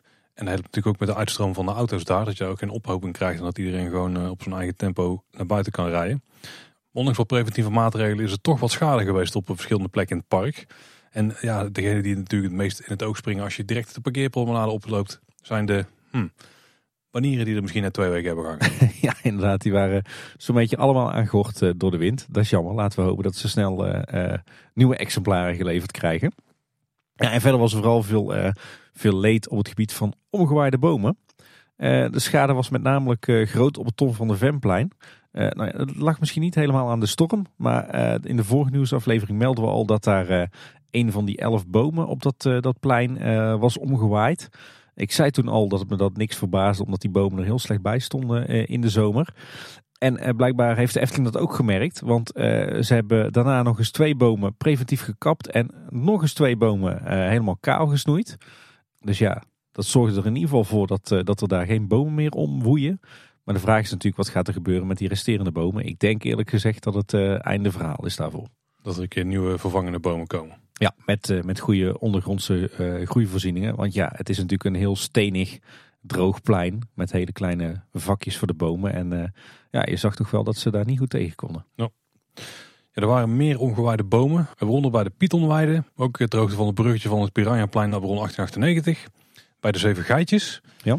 Eh, ook in de Duitse bosjes, zoals we net al melden. Ben je daar gaan kijken? Ja, maar het viel mij heel erg mee. Uh, ik hoorde al die berichten dat uh, de gasten niet naar uh, Bosrijk en Loonse Land mochten lopen vanwege die omgewaaide bomen. Maar in het Duitse bosje heb ik maar één of twee gezien. Wel een aantal aan de Kinkerpolder. Dus gemeentebomen waarschijnlijk die om zijn gegaan. Maar aan de rand van het Duitse bosje wel, hè? want daar heb ik ook een aantal zien liggen. Ja. En wat ook al opviel, best wel een aardig aantal bomen die om zijn gegaan in Strookrijk zeg maar de, de oostelijke uitbreiding van het, uh, het Eftelingpark, die aan uh, de, de Nieuwe Horst uh, grenzen. En dat is op zich niet zo heel gek, want ja, ze hebben natuurlijk voor de aanleg van die fietsroute en de Nieuwe Horst, hebben ze de hele buitenste rand van het bos weggekapt. Ja, die bomen die dan ineens aan de buitenkant van zo'n bos staan, die zijn natuurlijk niet gewend om die wind te vangen. En dan zie je inderdaad dat je tijdens de eerste paar stormen dat er aanzienlijk meer bomen sneuvelen dan, dan je zou verwachten. Een aantal van die bomen zijn ook over de horsten heen gevallen, maar uh, die zijn netjes opgeruimd uh, door de brandweer. Dus eigenlijk viel het qua stormschade uh, heel erg mee, zeker in het, het Eftelingpark zelf. het enige andere wat nog gesneuveld is, is de schutting van het terras van de Gulden Garde. Maar goed. Een van de mooiste objecten in het park, dat is toch zo? Beetje huistuin- en keukenschuttingje daar hè. En wat trouwens ook nog wel opviel is, het heeft niet alleen heel hard gewaaid eh, de afgelopen dagen, maar er is ook enorm veel regen gevallen. En dat valt ook op, want het, eh, het Lac du Jacques, het, eh, de grote vijver zeg maar, die het, het regenwater van het parkeerterrein opvangt, die, die is helemaal overstroomd. Die staat bijna zo hoog als, het, als de straat die eromheen loopt.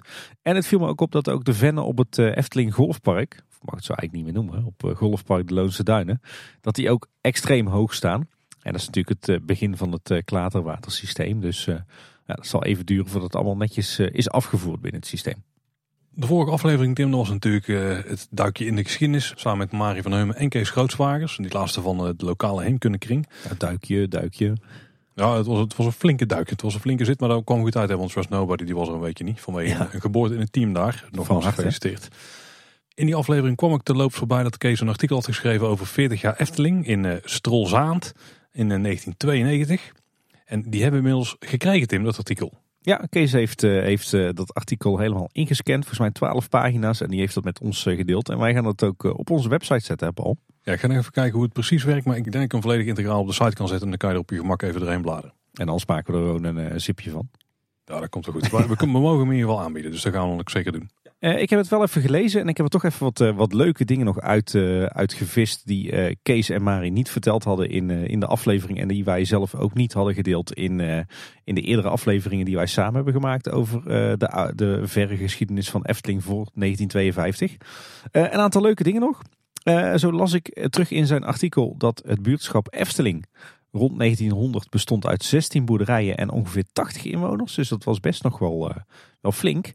En eh, destijds was er al zoiets als het Eftelingsbergske. Uh, en dat was een plek waar mensen uit Kaatsheuvel kwamen spelen. En dat lag dus bij dat gehucht. Weet je ongeveer waar dat lag? Ja, ik, uh, ik, het zei mij niks, maar ik heb even Topo Tijdreizer bij gepakt. Een website die ons al vaker in de research heeft geholpen. En het blijkt dat met name in het gebied waar, waar nu de, de Gondoletta-vijver ligt... dat daar toch in het verleden wat, wat heuveltjes waren te vinden... ik denk echt stuifzandduinen zoals we die ook nu nog kennen uit de Loonse en Drunense duinen. En ook op de plek van Duits Bosje en nu Bosrijk vinden we ook wat heide, velden en stuifzandvlaktes met, met wat heuveltjes. Dus ja, ik denk dat het Eftelingse Bergske echt een voorloper is van het Rooms-Katholieke Sport- en Wandelpark en uiteindelijk de Efteling. Echt heel origineel waarzien in de buurt met name. Hè? Het Eftelingsbergske, Kaatsheuvel. Ja, Tietenberg. Ja, en ook nog ja. Uh, wat trouwens ook leuk was om te lezen is dat er in uh, februari 1934 al een werkverschaffingsplan is uh, ingediend bij de Rijksoverheid. Voor de aanleg van het sport- en wandelpark, wat uiteindelijk natuurlijk de Efteling werd.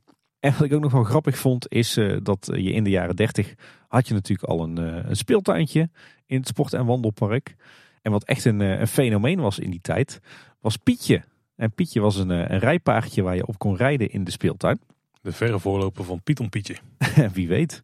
En nou, nou liep het allemaal niet zo, zo fraai af, want uiteindelijk is, is Pietje is doodgereden op de provinciale weg. Ai. Wat we tegenwoordig kennen als de Horst. Hmm. Ja. Als je ergens moet sterven, dan maar op de Horst, hè? Ja, nu kan het op de verlegde Horst, hè? Als je straks sterven op de Horst, dan is het niet goed. Ja, dat kan natuurlijk op het uh, stuk wat er nog steeds ligt. Wat ik uh, ook heel boeiend vond, uh, tentoonstelling De Schoen vond natuurlijk in 1949 plaats in wat, wat nu de Efteling is. En denk ik toch wel een van de ja, de, misschien wel de grootste boost om uiteindelijk te komen tot het park. Die legt alvast wel infrastructuur neer hè, voor de Efteling. Ja, ik denk een heel belangrijke mijlpaal in de totstandkoming van de Efteling. Uh, maar die zou in eerste instantie helemaal niet plaatsvinden op, uh, op de plek waar we nu de Efteling vinden. Oh. Die zou uh, plaatsvinden aan de markt in Kaatsheuvel, in ons centrum. mensen die bekend zijn, het zou plaatsvinden op de plek waar, waar we later de gemeentewinkel en de Rabobank konden vinden. Nou, inmiddels zijn die ook afgebroken en staat er een appartementengebouw. Uh, maar daar had dus die, die tentoonstelling in 1949 moeten plaatsvinden. Bleek uiteindelijk te klein en zodoende kwam men toen op het uh, sport- en wandelpark terecht. Dat is natuurlijk de plek waar die Mario omschreven als de plek waar alle fietsen elkaar kruisten rond de lunchtijd. Ja, klopt inderdaad. Ja. ja. En uh, bezoekers aan Kleine Boodschap in het theater die kunnen dat met eigen ogen aanschouwen. Wel de moderne incarnatie van het plein. Ja, uh, Kees vertelde natuurlijk eerder ook dat, uh, dat uh, de, de, de Efteling, of eigenlijk het, het, sport- en wandelpark in de beginjaren ook de, de ijsbaan hier in de Loonsendroense Duinen uitbaten en exploiteerde. Blijkt dat het niet alleen in de jaren 30 en 40 was, maar ook in de jaren 50 werd die ijsbaan nog door op dat moment al de Efteling uitgebaat. Oh. Wist ik, wist ik niet. En daarover gesproken, wat ook nog uh, wat, ook nieuw was uh, in dat artikel, is dat het, uh, het theehuis, wat we natuurlijk sinds 1951 in de, Efteling vonden en wat later het Witte Paard is geworden, dat werd in de beginjaren helemaal niet door de Efteling zelf uitgebaat, maar door hotel, café, restaurant Eufonia. En dat zat hier in het centrum van Kaatsheuvel tegenover de kerk. was trouwens vernoemd naar de muziekvereniging die, er, die erin zat. En ja, zij baten dus het, het theehuis in de Efteling uit pand van Ifonia bestaat trouwens nog steeds. Het is een prachtig gebouw uit 1932. Uh, tegenover de kerk dus. En er zit nu een lingeriezaak in. Maar uh, zij waren dus verantwoordelijk voor wat later het Witte Paard werd. En wat ik nog een laatste leuk, leuk item vond, is dat in begin jaren 50 er in de Efteling werd gewerkt met gele en rode kaarten. En dat waren een beetje de voorlopers van de huidige abonnementen. Met de rode kaart had je toegang tot het hele park en met de gele kaart alleen tot de speeltuin. Tegenwoordig hebben we heel soort andere associaties met rode en gele kaart. ja, ook niet echt een waterdicht systeem lijkt me. Want als je eenmaal in de speeltuin bent, dan kan je ook de rest van de Efteling lopen natuurlijk. Ja, nou, dat was toen misschien al anders. Dat mag in ieder geval niet. Dan had de parkwachter eruit gestuurd. De veldwachter, ja. Hey Tim, het is uh, tijd voor het onderhoud. En er is ook een nieuwe onderhoudskalender geplaatst. Stond toch wat zaken op die lang onderhoud uh, gaan krijgen? Ja, netjes een paar uur voor het opnemen van deze aflevering. Hè? Dus ideaal, dat hadden ze, hadden ze goed gepland bij uh, planning en beheer. Mag je natuurlijk wel verwachten van een afdeling met die naam, maar goed. Strakke planning. Ja. Uh, wat is er toegevoegd aan de onderhoudskalender ten opzichte van uh, de eerdere afleveringen? Uh, een heel aantal onderhoudsbeurtjes voor de stoomtrein. Op 24 februari, 2 maart en 7 tot en met 11 maart. Allemaal maar kort, maar zeker zo'n periode van vier dagen kunnen ze best wel gebruiken voor nou, tijdelijk het spoor op te breken en bijvoorbeeld wat leidingen te, te leggen. Dat zou dan al vrij snel zijn, al voor de volgende nieuwsaflevering. Ja. Oeh. Gaan we het vanzelf zien. Spannend. Dan een uh, grote verrassing. Aquanura is uh, gesloten van 21 maart tot en met 24 juni. Zo, dat is meer dan drie maanden. Ja. En wat gaan ze daar dan doen? Weer alles helemaal schoonmaken? Ja. Als dat zo vaak moet, want dit hebben ze vrij recent nog gedaan. Een ja. jaar of twee geleden denk ik. Maar dit duurt drie maanden. Ja, dat is heel lang. Zouden ze misschien dat probleem met, uh, met die bobbels in de vijverfolie gaan oplossen? Alweer? Ja. Ik dacht dat ze al een keer hadden gedaan. Hè? Het is echt heel lang. Ja, de, een nieuwe show ga je niet zo maken. Of ze gaan nieuwe effecten toevoegen. Kan ik me ook niet voorstellen. Ja, maar dan ga je toch niet de show drie maanden buiten bedrijf nemen? drie maanden, dan moet er echt wel iets serieus gaan gebeuren. Ik bedoel, je hebt nou heel je openingsgebied open liggen. Wacht even. Heel... Zou, zou ze niet voor een deel gaan dempen dan? Voor drie maanden. Om een mooie doorgang te creëren richting die nieuwe overgang.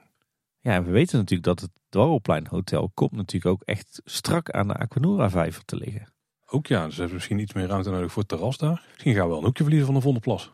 Ja. Mag die daar drie maanden voor? Dus ook wel lang dan misschien. Maar ja, als er echt een bouwterrein uh, gaan maken, misschien is dat wel de reden. Maar dan gaat er vrij veel wel gebeuren als het al vanaf 21 maart is.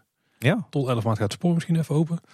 Ik denk dat we heel snel interessante dingen gaan zien daar. Ja, ik denk dat we hier inderdaad eh, de voorbereidingen hebben voor de, de bouwplaats van het hotel. En de tijdelijke toegang tot het, uh, tot het park. Ja. ja. Uh, dan uh, Bron 1898 gaat dicht van 9 tot en met 25 mei. Ook vrij lang voor die achtbaan. Dus er zal ook een keer serieus onderhoud worden uitgevoerd. Dat is ook de eerste keer buiten de parksluiting dat hij zo lang dicht gaat. Ja, hij is wel vaker een paar dagen dicht. Maar, ja, maar dit is wel weken, langs. Ja. Laten we hopen dat dan de projecties ook gefixt worden in de eerste ja, voorshow. Ik, mm, ik, zou er niet al te hard op hopen, want ik denk dat daar voor de attractie zelf niet zo lang dicht hoeft. Nee, dat is waar. Ik denk met, met zo'n lange tijdsduur dat er bijvoorbeeld iets moet gebeuren met de baan of zo. Ja, alles weer een keer goed controleren, vermoed ik. Ja. zal een klein team van BNM aanwezig zijn in een paar dagen, heb ja. ik vermoeden. Dan de, de Laaf monorail, dicht van 7 juni tot en met 1 juli. Ook uh, vrij lang, drie, vier weken. Ik ben heel benieuwd wat ze daar gaan doen, want er zijn alle voertuigen natuurlijk recent vernieuwd. Misschien dat ze wel uh, aan de baan gaan werken. Hè? Een nieuwe koolborstelrail of zo. Of misschien dat het uh, allemaal een keer netjes geverfd wordt. er waren ook wel mensen die het idee hadden dat het misschien was vanwege de aanpassing aan de wachtrij voor het permanente virtuele wachtrij. Ja, maar dan die attractie toch niet drie, vier weken voor te sluiten. Ja, als je niet over het entreeplaantje heen kunt. Nee. Dat doe je via de uitgang, de ingang. Nee, onzin. Nee. Nee joh, en als ze dat dan doen, is het dan een paar dagen gepiept. Nee, ik denk dat, dat hier echt wel iets met de baan gaat gebeuren. Of de besturing, zou ook nog kunnen. Maar je kan het combineren. Als je, dan toch om hebt dicht, als je dan toch hebt dichtgegooid, dan trek je gewoon een deel van de zigzag weg. Dat is waar. Ja, in ieder geval een goed moment om dat te combineren. En, en tot slot de halve maan, die is ook nog een weekje dicht van 20 tot en met 24 juni. Misschien nog de paar laatste restpuntjes naar het lang stilliggen van de afgelopen tijd. Ja. Wegwerken. Dan is het denktijd voor het klassieke rondje park. Ja, dan beginnen we in het Fantasierijk. Uh, daar waren natuurlijk lange tijd werkzaamheden aan het, uh, het podium van uh, en Pardijn. Hè, op de kop van, van de watertafel, waar ook die sloffen op staan waar je in kan gaan staan. Nou, die is inderdaad flink gerenoveerd. Daar had je altijd, het podium daar was altijd opgebouwd uit een, een, een vloer van hout. En die is er helemaal uitgesloopt. En daar ligt nu zowaar een podium in van natuursteen. echt prachtig uitgevoerd. Een van hetzelfde grijze natuursteen als ook de watertafel uh, van is gemaakt. Uh, daar hebben ze op een hele mooie manier uh, er een soort windroos ingestraald en allerlei symbolicaanse letters. En de kopse kanten van het podium zijn ook ontzettend mooi geworden. Daar hebben ze met, ja, volgens mij gewoon met polyester in een bronskleur, hebben ze een symbolicaans patroon aangebracht. er zitten nog wel vier gaten in het, het, het natuursteenplaat op het podium.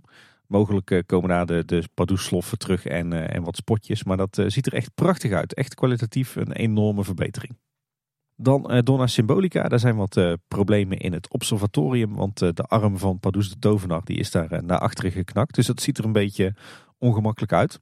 En bij Fabula problemen bij de film. Want daar doen de watereffecten het niet. In Fabula was het enige plek waar de bomen niet vielen. Tijdens die storm volgens mij. Ha. Ha. Ja, precies. Die grap eh, werd door eh, meer luisteraars gemaakt. Oh, sorry, dan ja. Eh, knip ik hem er niet uit. hey, door naar het andere rijk, naar Fata Morgana. daar hebben diverse figuren in de marktscène en de gevangenisscène nieuwe kleding gekregen. En, goed nieuws, de vuurschaal op het voorplein die werkt eindelijk weer.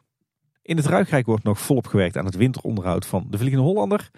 Uh, afgelopen week heeft uh, de buitenbaan een nieuwe ketting gekregen. Er stond ook even een uh, grote kraan voor bij de vijver. En verder is er gewerkt aan de leeuwtjes op de stadsmuur, rechts van het, het huis van Van der Dekken. Die zijn een keer goed schoongemaakt.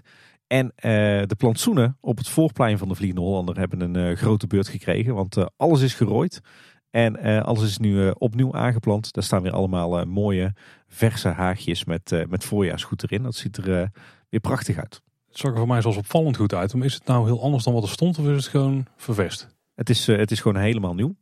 is de uitstraling ook echt veranderd. Ja, misschien dat, dat de aanplant in de vakken wel anders is, maar de vorm van de vakken en ook die haagjes, dat is wel zoals het ooit was. Ja, alleen de haagjes zijn natuurlijk nog niet dichtgegroeid, zijn nu wel hoger. Die moeten nog een keer in vorm snoeien. Het ziet er nog allemaal lekker fris uit dan, hè, al dat groen. Ja, en dan een grote Tim. En oh, dit wordt wel een punt van discussie. Ja, ik ben er ook bang voor. Maar, vertel. Speelbosnest. Het waterbed eh, daar is natuurlijk verwijderd. Hè. Vorige keer konden we al vertellen dat er houten platen in lagen. Nou, inmiddels is er een definitieve oplossing uh, voor. Want het waterbed is uh, vervangen door, door speelvloer. Dat is zeg maar zo'n zo'n valdempende vloer hè, met van die rubbergranulaat korrels. Die is uitgevoerd in hetzelfde donkerrood als wat al rondom het waterbed lag. alleen zit hier het figuur in van een, ja, je zou kunnen zeggen een kompas of een windroos. Hebben ze ook een kompasplein, hè? Dat is een emmer. Ja, precies. Uh, heeft even nagevraagd hoe het nou uh, zit bij de Efteling. En uh, de Efteling is nog met de leverancier in gesprek over een klein attractief element. Het is nog niet duidelijk wat dat precies zal worden. Maar in afwachting daarvan is de Efteling vast begonnen met eh, de voorbereidende werkzaamheden. En er zijn wat geruchten dat het zou gaan over een zonnewijzer. Ja, op zich netjes opgelost. Aan de andere kant wel zonder dat hier uh, toch een uh, behoorlijk populair speelelement uh, verdwijnt uit, uit Nest. Tenminste, mijn kinderen waren er helemaal gek van, van, die, van het waterbed. En zij niet alleen, want het was er altijd enorm druk. Dus ja, toch jammer dat het niet werkt. En dat het niet wordt vervangen door iets anders leuks. Maar dat we er eigenlijk gewoon ja, een stukje vloer voor terugkrijgen. Ja, de massa kinderen die daar overheen gingen. Ik denk dat daar gewoon dat uiteindelijk de enkel heeft gedraaid. Maar het was wel een heel tof element voor kinderen die in een rolstoel zaten bijvoorbeeld. En daarop konden liggen en dan beetje mee konden dijnen met alle andere spelende kinderen. Dus dat is zeker jammer. Maar ja, het, het, was gewoon... Bijna iedereen dacht vooraf al van... Dit gaat niet lang volhouden. En dat deed het ook niet. En, en het puntje waarom dit nog wel eens eh, een discussie-item zou kunnen gaan worden... rondom de glazen bol uiteraard. Dus jij hebt voorspeld dat hier een nieuw speelelement... tenminste dat het water weg zou gaan en vervangen zou worden voor een ander speelelement. En vooral in hoeverre je ermee kunt spelen is natuurlijk nog de vraag. Maar daar hebben we uiteraard een middel dictator voor die daar nog doorslag over mag geven. Precies. En ik zei al eerder van waarom maak je hier geen air-trampoline? Ik kan me voorstellen dat daar de plek te klein voor was. Ja, makkelijk. Je, zou, je had natuurlijk wel een mooie trampoline gewoon kunnen maken. In de speelvloer. Precies in midden. Ja, ja, had gekund, ja. Ja, daar rijdt er misschien weer met zijn rostel op en daar zal het ook niet helemaal voor gemaakt zijn als er zulke massa's kinderen doorheen gaan, dat is toch wel echt een ding bij een speeltuin. Ja. Maar als ze daar een klein speelobjectje neerzetten, of bij van spreken, als ze er al cijfers in hadden gelegd of zo, zodat je er een beetje kunt heenstap springen, was het al iets duidelijker speelelement geweest. Nu is het nog twijfelachtig of dat het niet gewoon een pleintje is. Dus Tim, we moeten nog even afwachten. Hij is er niet helemaal binnen. We houden het in de gaten. ja. Hey, Donald Reisrijk, uh, bij Carnaval Festival al een hele tijd uh, geen rook uit uh, de draak in, het, in de China-scène. Wat mij trouwens opviel is dat ze onder de draak, uh, zeg maar, dan heb je dat, uh, ja, een beetje dat, uh, dat zwarte berglandschap. Mm -hmm. Maar onder de. Je bent er vrij positief over. Ja. ja. dat, onder de, de kop van de draak hebben ze een soort opvangmatje gemaakt. waar het, het vocht uit de neus in terecht komt. Zonder dat waarschijnlijk het hele decor zeiknat wordt. Dat viel me toevallig van de week ineens op. Die hebben ze alleen met mannelijke pis dan. Ja, precies van hetzelfde spul. Hetzelfde spul ja, ja, ja, Maar goed, zonder, zonder nut en noodzaak. Want ja, al een hele tijd geen rook meer dus daar. Nou, Schuimbek niet meer. Nee. nee. Een tijdje terug konden we melden dat er eh, een stuk van de gevel van Jokies Wereld was afgebroken. Hè. Daar zit zo'n uh, zo'n uh, zo'n Nederlandse boer met een rode neus en daar een soort, ja, wat is, een soort windmolentje aan mm met tulpjes. Nou, die was afgebroken en op het straatwerk beland. maar inmiddels is dat weer netjes hersteld en draait het ook weer. En wat kleine aanpassingen aan Sirocco. Daar waren natuurlijk eerder grote problemen met het geluid. Dat is allemaal gefixt. En ze hebben ook iets aangepast. Want voorheen was het zo dat uh, je vlak voor de start van de rit dat er één keer een omroep was uh, waarin uh, ja, je werd welkom geheten en werd gevraagd om plaats te nemen met je, met je bagage achter je, je benen. Ehm, maar nu herhalen ze dat een aantal keer. Het start eigenlijk op het punt dat, je, dat de inloop begint, dus dat het poortje open gaat. En dan herhalen ze het een keer of drie totdat de, de scheepjes daadwerkelijk starten. Dus blijkbaar was dat toch noodzaak toe. En ook nog wel interessant om te zien is dat er in die schuitjes zit natuurlijk nog zo'n zit, natuurlijk zo'nzelfde draaischijf als vroeger in de kookpotten zat. En als je dan heel hard eraan trok, dan kon je je eigen kookpot of in dit geval je scheepje ronddraaien. Dat ging heel stroef in het begin, maar dat lijken ze een stuk, een stuk makkelijker te hebben gemaakt. Want je kan nu heel makkelijk je schuitje extra ronddraaien. En dan wordt het nog spectaculairder van. En dan gaat sowieso een stuk soepeler zodra die begint te draaien. Want als je nog stilstaat, dan lijkt het lastiger te zijn dan als je in beweging bent. Maar er zit echt een eh, overduidelijk verschil in tussen de eerste paar dagen en, uh, en nu. Dus daar hebben ze echt uh, bewust iets aan gefixt. Heb je ook het idee dat bij alle schuitjes veel makkelijker gaat of maar bij een aantal of zo? Ik heb er een aantal eh, geprobeerd in de tussentijd en die eh, gingen allemaal, eh, heel Allemaal. soepel. Oké. En dat is, ik heb ook wat vergelijkbare geluiden voorbij zien komen op, op social media. Cool, nog een extra dimensie eraan. Want dit komt bij uh, Monsieur Cannibal al jaren niet meer. Nee, nee, inderdaad. Als ik niet goed aan het tellen ben, dan komen we in het Marenrijk uit. Het zit bij jou goed in de kop, Paul, de opbouw van het Eftelingpark. Ja, zeker. Hey, dan beginnen we in het diorama. Positief nieuws daar. Alles werkt weer. Alle treinen rijden weer. En, en zelfs alle andere bewegende elementen in het diorama die werken allemaal weer netjes zoals het hoort. En de treinen die zijn zelfs voor een deel alweer helemaal terug op eh, de originele lengte. Dus eh, daar wordt eh, hard aan gewerkt. Waar ook hard wordt gewerkt is op het Antropiekplein. Het smitje, de eierleggende kip en de gekroonde eend, die werken allemaal weer. Die waren allemaal al een hele tijd defect, maar die zijn allemaal gefixt. En ook het eh, tafereeltje van Zwaankleef aan is weer zichtbaar. Die was natuurlijk een tijd lang afgeschermd met een houten plaat. Eh, alleen dat werkt nog niet, dus eh, dat moeten ze nog even fixen. En van de week viel me zelfs op dat er, dat er wat monteurs naar binnen gingen in de poppenkast. Eh, ik dacht dat dat nou een opslag was. Ja. Weet je helemaal niks verder? Nee, Oh, dat is wel heel spannend, Tim. cliffhanger. Ja. Misschien was het niks, misschien moest de meterkast even worden nagekeken of zo. Maar ik vond het wel verrassend dat er eh, drie monteurs naar binnen gingen. Ja, ja. Dan eh, is het onderhoud aan eh, de overkappingen van het terras van Witte Paard is klaar. Alle verlichting is daar weer netjes teruggeplaatst tegen het plafond aan. En in het Lavela wordt nog steeds gewerkt aan het Lonkhuis. Volgens mij zit daar gewoon een ploegje van twee man op die alles zelf doen. De daken zijn er natuurlijk ook klaar. Er is nu gewerkt aan het, het schilderwerk, het sauswerk van het stukwerk. Moet nog wel worden ingeschaduwd. En volgens mij is ook al het houtwerk opnieuw gelakt. En ze zijn nu bezig aan het, eh, aan het timmerwerk van ja, zeg maar de onderste rand van die eh, uitkraging van het vleugelhelmhuis. Eh daar is er eerst helemaal van afgesloopt. Hè. Dat waren die houten latjes met stukwerk erop wat helemaal rot was. Dat hebben ze allemaal verwijderd. En nu zijn ze met, met plaatmateriaal een nieuwe rand aan het maken. Die waarschijnlijk beter bestand is tegen het, het Nederlandse weer. Dan door naar het Sprookjesbos. Aardig wat kaalslag in het bos. Want wat blijkt, de rhododendrons hebben groot snoeionderhoud gehad. Die eh, moet je af en toe flink terugzetten, want eh, dan blijven ze, blijven ze jong. Eh, maar dat is dan altijd even het eerste jaar even wennen, want ja, dan mis je een hoop rodo's in het bos.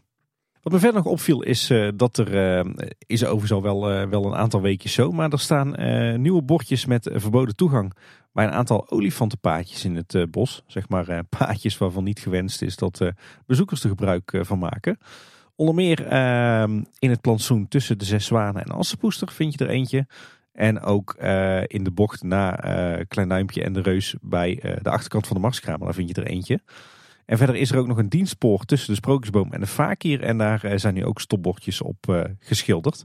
Zodat uh, duidelijk is dat je daar uh, geen gebruik van maakt als uh, bezoeker. Dan en bij de Indische waterlelies was uh, lange tijd een uh, waterlelie die open blijft, uh, bleef staan. Die gaat inmiddels weer netjes dicht als het moet.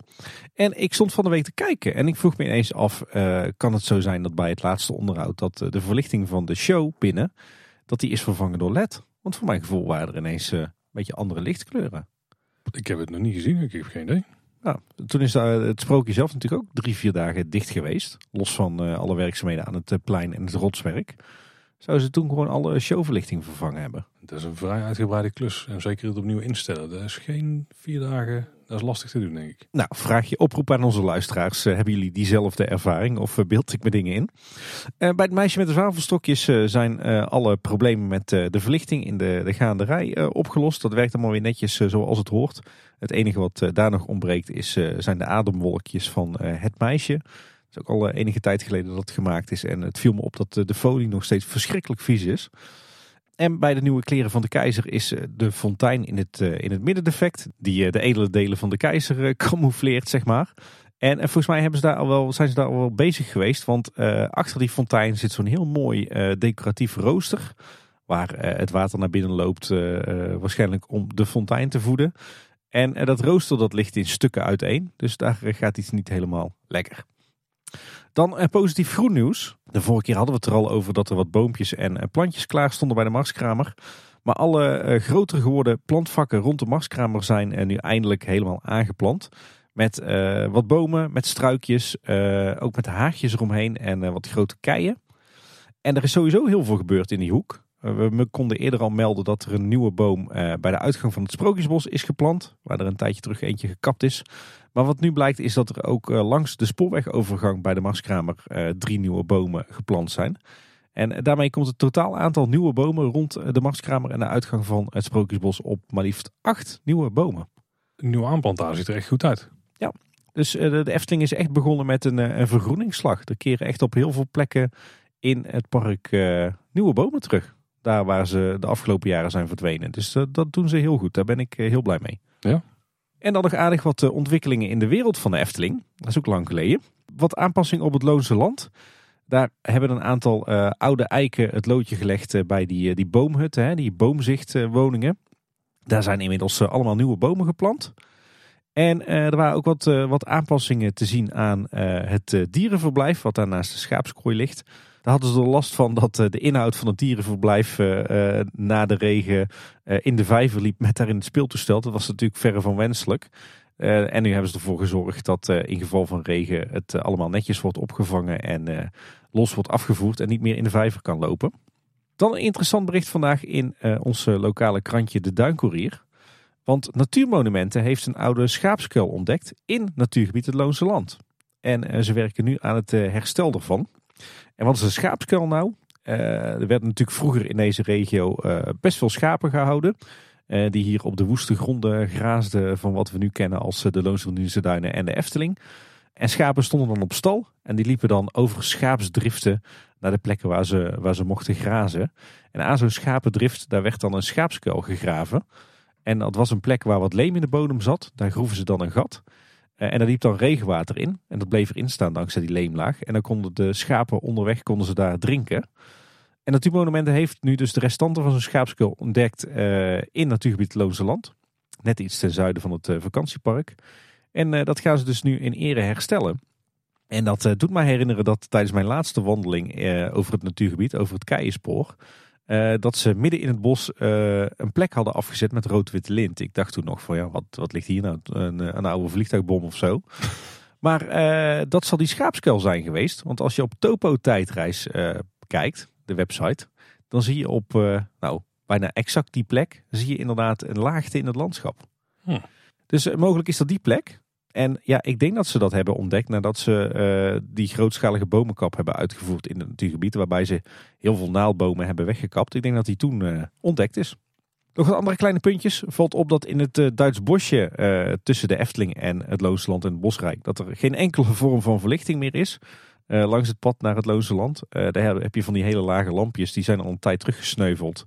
Daar hadden ze wat tijdelijke verlichting opgehangen uh, in de bomen. Maar die is nu ook verwijderd. En daar is het naar verluid nogal donker s s'avonds.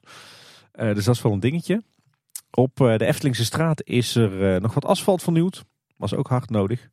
En er zijn enorm veel nieuwe bomen aangeplant op de grondwal tussen vak M van het parkeerterrein van de Efteling en Eftelingse straat. Eh, daar, eh, dat verraste mij positief. En de nieuwe groenstrook op de kopse kant van vak M, waar je, waar je langs loopt als je naar de Efteling loopt vanuit je auto. Uh, die is nu ook uh, helemaal klaar en die uh, ziet er ook prachtig uit. Dus ook daar weer een heel mooi groen projectje. En tot slot, we hadden het er ook al over in onze aflevering op Golfpark de Loonse Duinen. Zeg maar de reïncarnatie van het Efteling Golfpark. Daar stonden nog lange tijd de holborden van het Efteling Golfpark is natuurlijk een beetje een vreemd gezicht aangezien het geen Efteling Golfpark meer is. Uh, maar dan hebben ze nu eindelijk nieuwe holborden geplaatst. Helemaal een stel van het park nu. Ja, heel simpel eigenlijk. Sober en doelmatig. Dat is dan de laatste Eftelingse touch die ze weg hebben gehad. Hè? Ja, ja, ja inderdaad. En dan door naar het kort nieuws. Uh, Loopings die had nog een, een, paar interessante dingen te melden. Zo wisten die achterhalen dat de Efteling achter de schermen bezig is met het ontwikkelen van een nieuwe versie van Ravelijn weet natuurlijk niet exact uh, wat de verschillen daar gaan zijn. Maar die zou vanaf 2 april te zien zijn. Het zou de volwaardige show moeten worden van 25 minuten. En het, uh, ja, moet een combinatie worden van de originele show met uh, de corona-shows van de afgelopen twee jaar. Ja, wat er dan precies wel en niet wordt overgenomen van welk van de twee versies, dat moeten we dan nog melden. Wat wel duidelijk is, is dat graaf Olaf weer terug gaat keren. Ja, dit, dit klinkt wel veelbelovend hoor. Ik moet zeggen, er zat toch stiekem heel veel goeds in, in die, die corona-shows. Ze waren weliswaar kort en niet heel spectaculair, maar uh, qua dialogen en storytelling was het beter dan, dan wat we ooit hadden. Dus als we dat nou eens combineren met, met Draconicon en Graaf Olaf en nog wat spectaculaire vechtscènes, dan kan er denk ik een, een prachtige Ravelijn-show uit voortkomen. Daar was nog wel ruimte voor verbeteringen. Het andere nieuwtje wat Loopings wist eh, op te duiken is dat de virtuele wachtrij binnenkort uitgeprobeerd gaat worden bij de oude Tuffelbaan. Deze was namelijk ook uh, per ongeluk toegevoegd aan de app, maar daarna heel snel weer verwijderd. Het zou alleen voor op drukke dagen zijn en dan gaat het in eerste instantie gaat om een pilot voor enkele weken. Ja, en ik denk dat het best een goede plek is om dit te doen. Ja, ja volgens mij hebben wij ons uh, na uh, afloop van het experiment met de virtuele wachtrij bij de Laaf Monorail de vraag gesteld waar zou dit nog meer kunnen? En volgens mij was de eerste attractie waar we mee op de proppen kwamen de oude Tufferbaan. Dus ja, ideale plek denk ik voor zo'n test. Ze hebben er bij de aanpak volgens mij in 2019 de wachtrij wel een stuk verlengd. Maar er staan uiteindelijk nog steeds gewoon ja, rijen op het plein daar met zo'n virtuele wachtrij ben je daar gewoon vanaf. En hoef je niet een heel wachtplein aan te leggen. Dus ik denk inderdaad een goede plek. Ja. Nou, en er is genoeg te doen in, de, in de omgeving. Hè. Denk aan Nest, denk aan Station de Oost. Dus uh, prima plekken om je tijd uh, te verpozen in afwachting van uh, het moment dat je aan de beurt bent daar. Dus prima, prima plek. Er is ook weer een onderzoek van de Raad der Wijze uitgezet. Dit keer naar een VIP-ticket zoals ze het noemen. Het gaat uiteindelijk over een paar upgrade opties. Dus dingen die je zou kunnen toevoegen aan je ticket. Uh, zou bijvoorbeeld kunnen gaan om gratis parkeren een eh, gratis ticket om een wachtrij over te slaan. Eén wachtrij dus, heel belangrijk daar. Dat je een half uur eerder het park in mag. Of dat je gratis koffie of thee of een gratis snack en nog een paar meer opties uh, krijgt. Ze lijken nergens echt richting een fastpass systeem of zo te gaan. Nee. Maar ik weet niet helemaal wat het idee erachter is. Ja, ik denk dat ze weer terug willen naar zo'n, uh, ja, echt inderdaad een VIP-ticket zoals ze een paar jaar geleden ook wel hadden. Dan betaalde je uh, flink wat meer, maar dan had je inderdaad een aantal privileges. Alhoewel, het was met name inderdaad uh, een bakje koffie met een appelflap en uh, s'avonds je eten en drinken en gratis parkeren.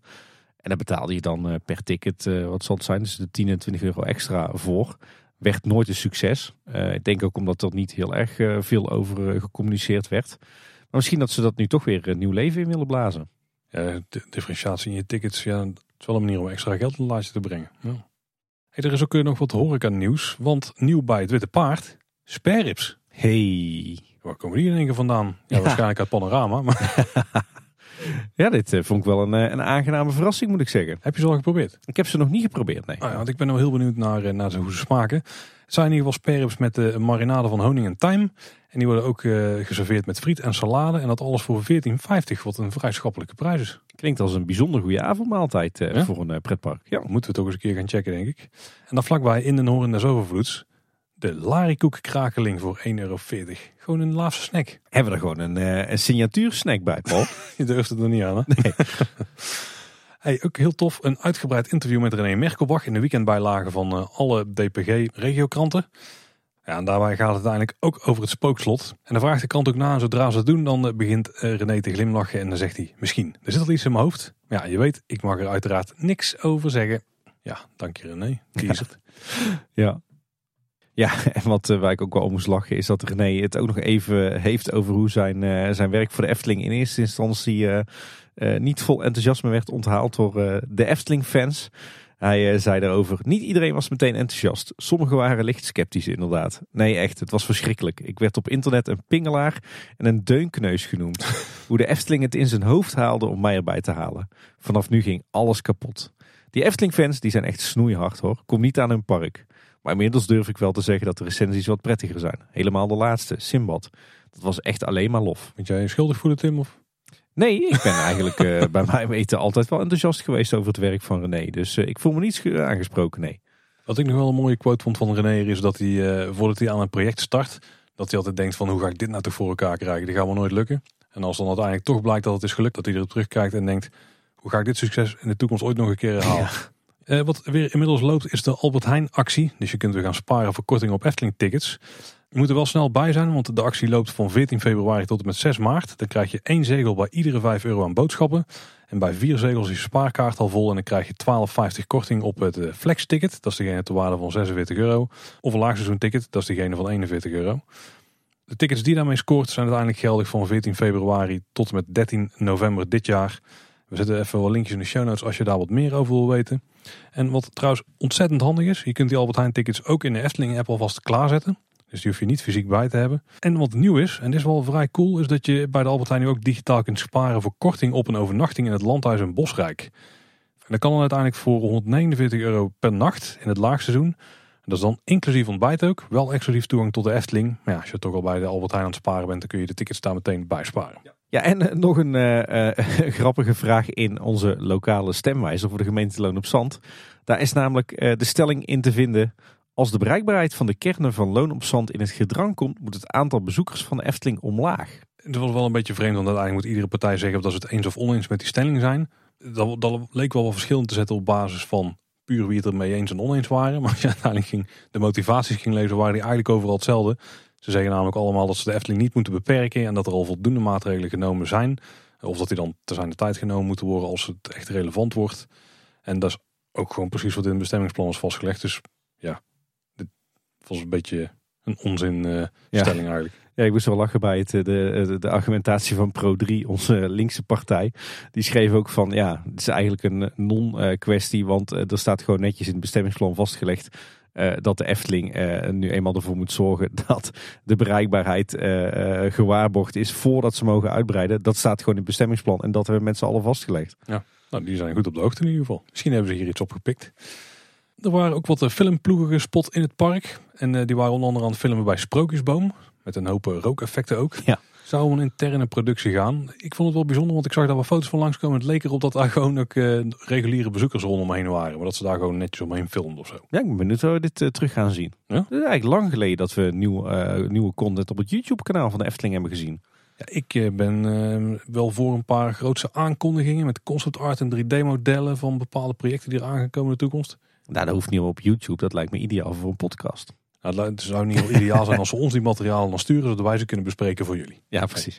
Deeltje Efteling. Ja. En dan de vacatures, Tim, want er is een wijziging geweest in het ontwerpteam. Ja, eh, laten we daar eerst eens mee beginnen. Eh, Robert Jaap Jansen, we kennen hem natuurlijk allemaal als eh, ontwerper onder meer van het sprookje van vrouw Hol. eh, Max en Moritz, Speelbos Nest en ook Bekkerij Krumel had hij een stevige vinger in de pap. Maar die heeft een nieuwe functie gekregen binnen de ontwerpafdeling. Hij is namelijk vanaf nu allround concept specialist. En eh, daarmee komt zijn focus te liggen op eh, storytelling, content en beleving. En de Efteling zegt erover, hiermee kunnen we optimaal gebruik maken van de kracht van Robert Jaap het genereren van originele ideeën. Hij blijft intensief betrokken bij toekomstige projecten. Maar goed, dus niet meer als eh, ontwerper, maar echt zeg maar in het, het proces daarvoor nog. Bij het ontwikkelen van originele ideeën en eh, concepten. Ik denk dat hij dit op heel veel plekken ook al deed hoor. Want is Ja. Kniezo ook niet van eh, Robert Jaap? Ja, klopt inderdaad. En eh Caro, de show daar, heeft hij ook veel aan bijgedragen. Ja. Dus ik denk dat hij dit op heel veel vlakken al deed. En dat ze het nu gewoon eh formeler hebben gemaakt. Ja, ik denk dat deze functie hem buitengewoon goed past. Hè. We horen toch vanuit verschillende kanten dat Robert Jaap eigenlijk degene is die, die het meest out of, the, out of the box kan denken. En toch vaak met de, de leuke, spannende, innovatieve ideeën komt. Dus ja, prima. Eh, zou hij het hiermee het, het gat vullen wat eh, is ontstaan na het vertrek van eh, Olaf Vugts? Want die was natuurlijk conceptleider. Ja, dat lijkt er wel een beetje op, ja. ja. Dat is eigenlijk wel een goede, zal ik er niet eens over nagedacht. Ja. Ja, en dan door naar de vacatures zelf, Tim. Want dit, ik, ik, denk dat de vacature der pretparkvacatures open staat op dit moment bij de Efteling. Absoluut. En dat beseffen ze zelf ook maar al te goed. Want hij staat niet alleen open op de website. We komen hem ook heel veel tegen op LinkedIn. En ik zag hem zelfs voorbij komen in een mailtje aan abonnementhouders. Want de Efteling is op zoek naar een ontwerper. Ja, ze schrijven er zelf over. We zijn op zoek naar een ontwerper die zorg draagt voor het op conceptueel niveau ontwerpen, ontwikkelen en verbeteren van Efteling belevingsconcepten voor content, verhalen, attracties, gebouwinrichtingen, decors en of technische attractiesystemen. Dat is gewoon ongeveer heel de Efteling. Ja, En alles wat er omheen gebeurt en ingebeurt. Zo, dat is eh, met eh, recht een droombaan te noemen, toch? Dit is eh, waar ieder eh, jongetje die ont- ontdekt dat er een soort Tom van de Ven is. En tegenwoordig dan een Sander de Bruin en collega's die daarvan droomt, denk ik. Ja. Of een meisje. verplaatst het even naar mezelf. Maar inderdaad, dit geldt natuurlijk voor iedereen. Volgens Efteling draag je dan ook de Efteling-identiteit uit door artistieke en creatieve randvoorwaarden door te ontwikkelen en toe te passen op onze producten. En dan hebben ze nog een heel mooi lijstje van het takenpakket van een ontwerper, Tim. Nou, dit, dit weten we natuurlijk voor een heel groot deel wel, maar zullen we er even doorheen lopen, want het is best interessant. Ja. Als ontwerper adviseer je de business units en de directie van de Efteling op artistiek, conceptueel en creatiegebied ten behoeve van de identiteit en belevingsconcepten. Bewaak en controleer je de realisatie van concepten op het gebied van conceptuele vormgeving en kwaliteit. Het is wel een beetje buzzword lingo hoor. Ja. Leg je specificaties vast in woord en beeld. Dat had ik me dan zeker erbij voorgesteld. Ben je een artistiek leider voor het overal ontwerp gedurende het totale projectfasering. Ik zie Jeroen alweer rondlopen met zijn, eh, zijn projectboekje. Ben je omgevingsbewust en volg jij nieuwe trends in en buiten de markt die je vervolgens vertaalt naar de mogelijkheden voor de Efteling? En ben je van begin tot eind nauw betrokken bij projecten en geef je vanuit jouw expertise het best mogelijke advies?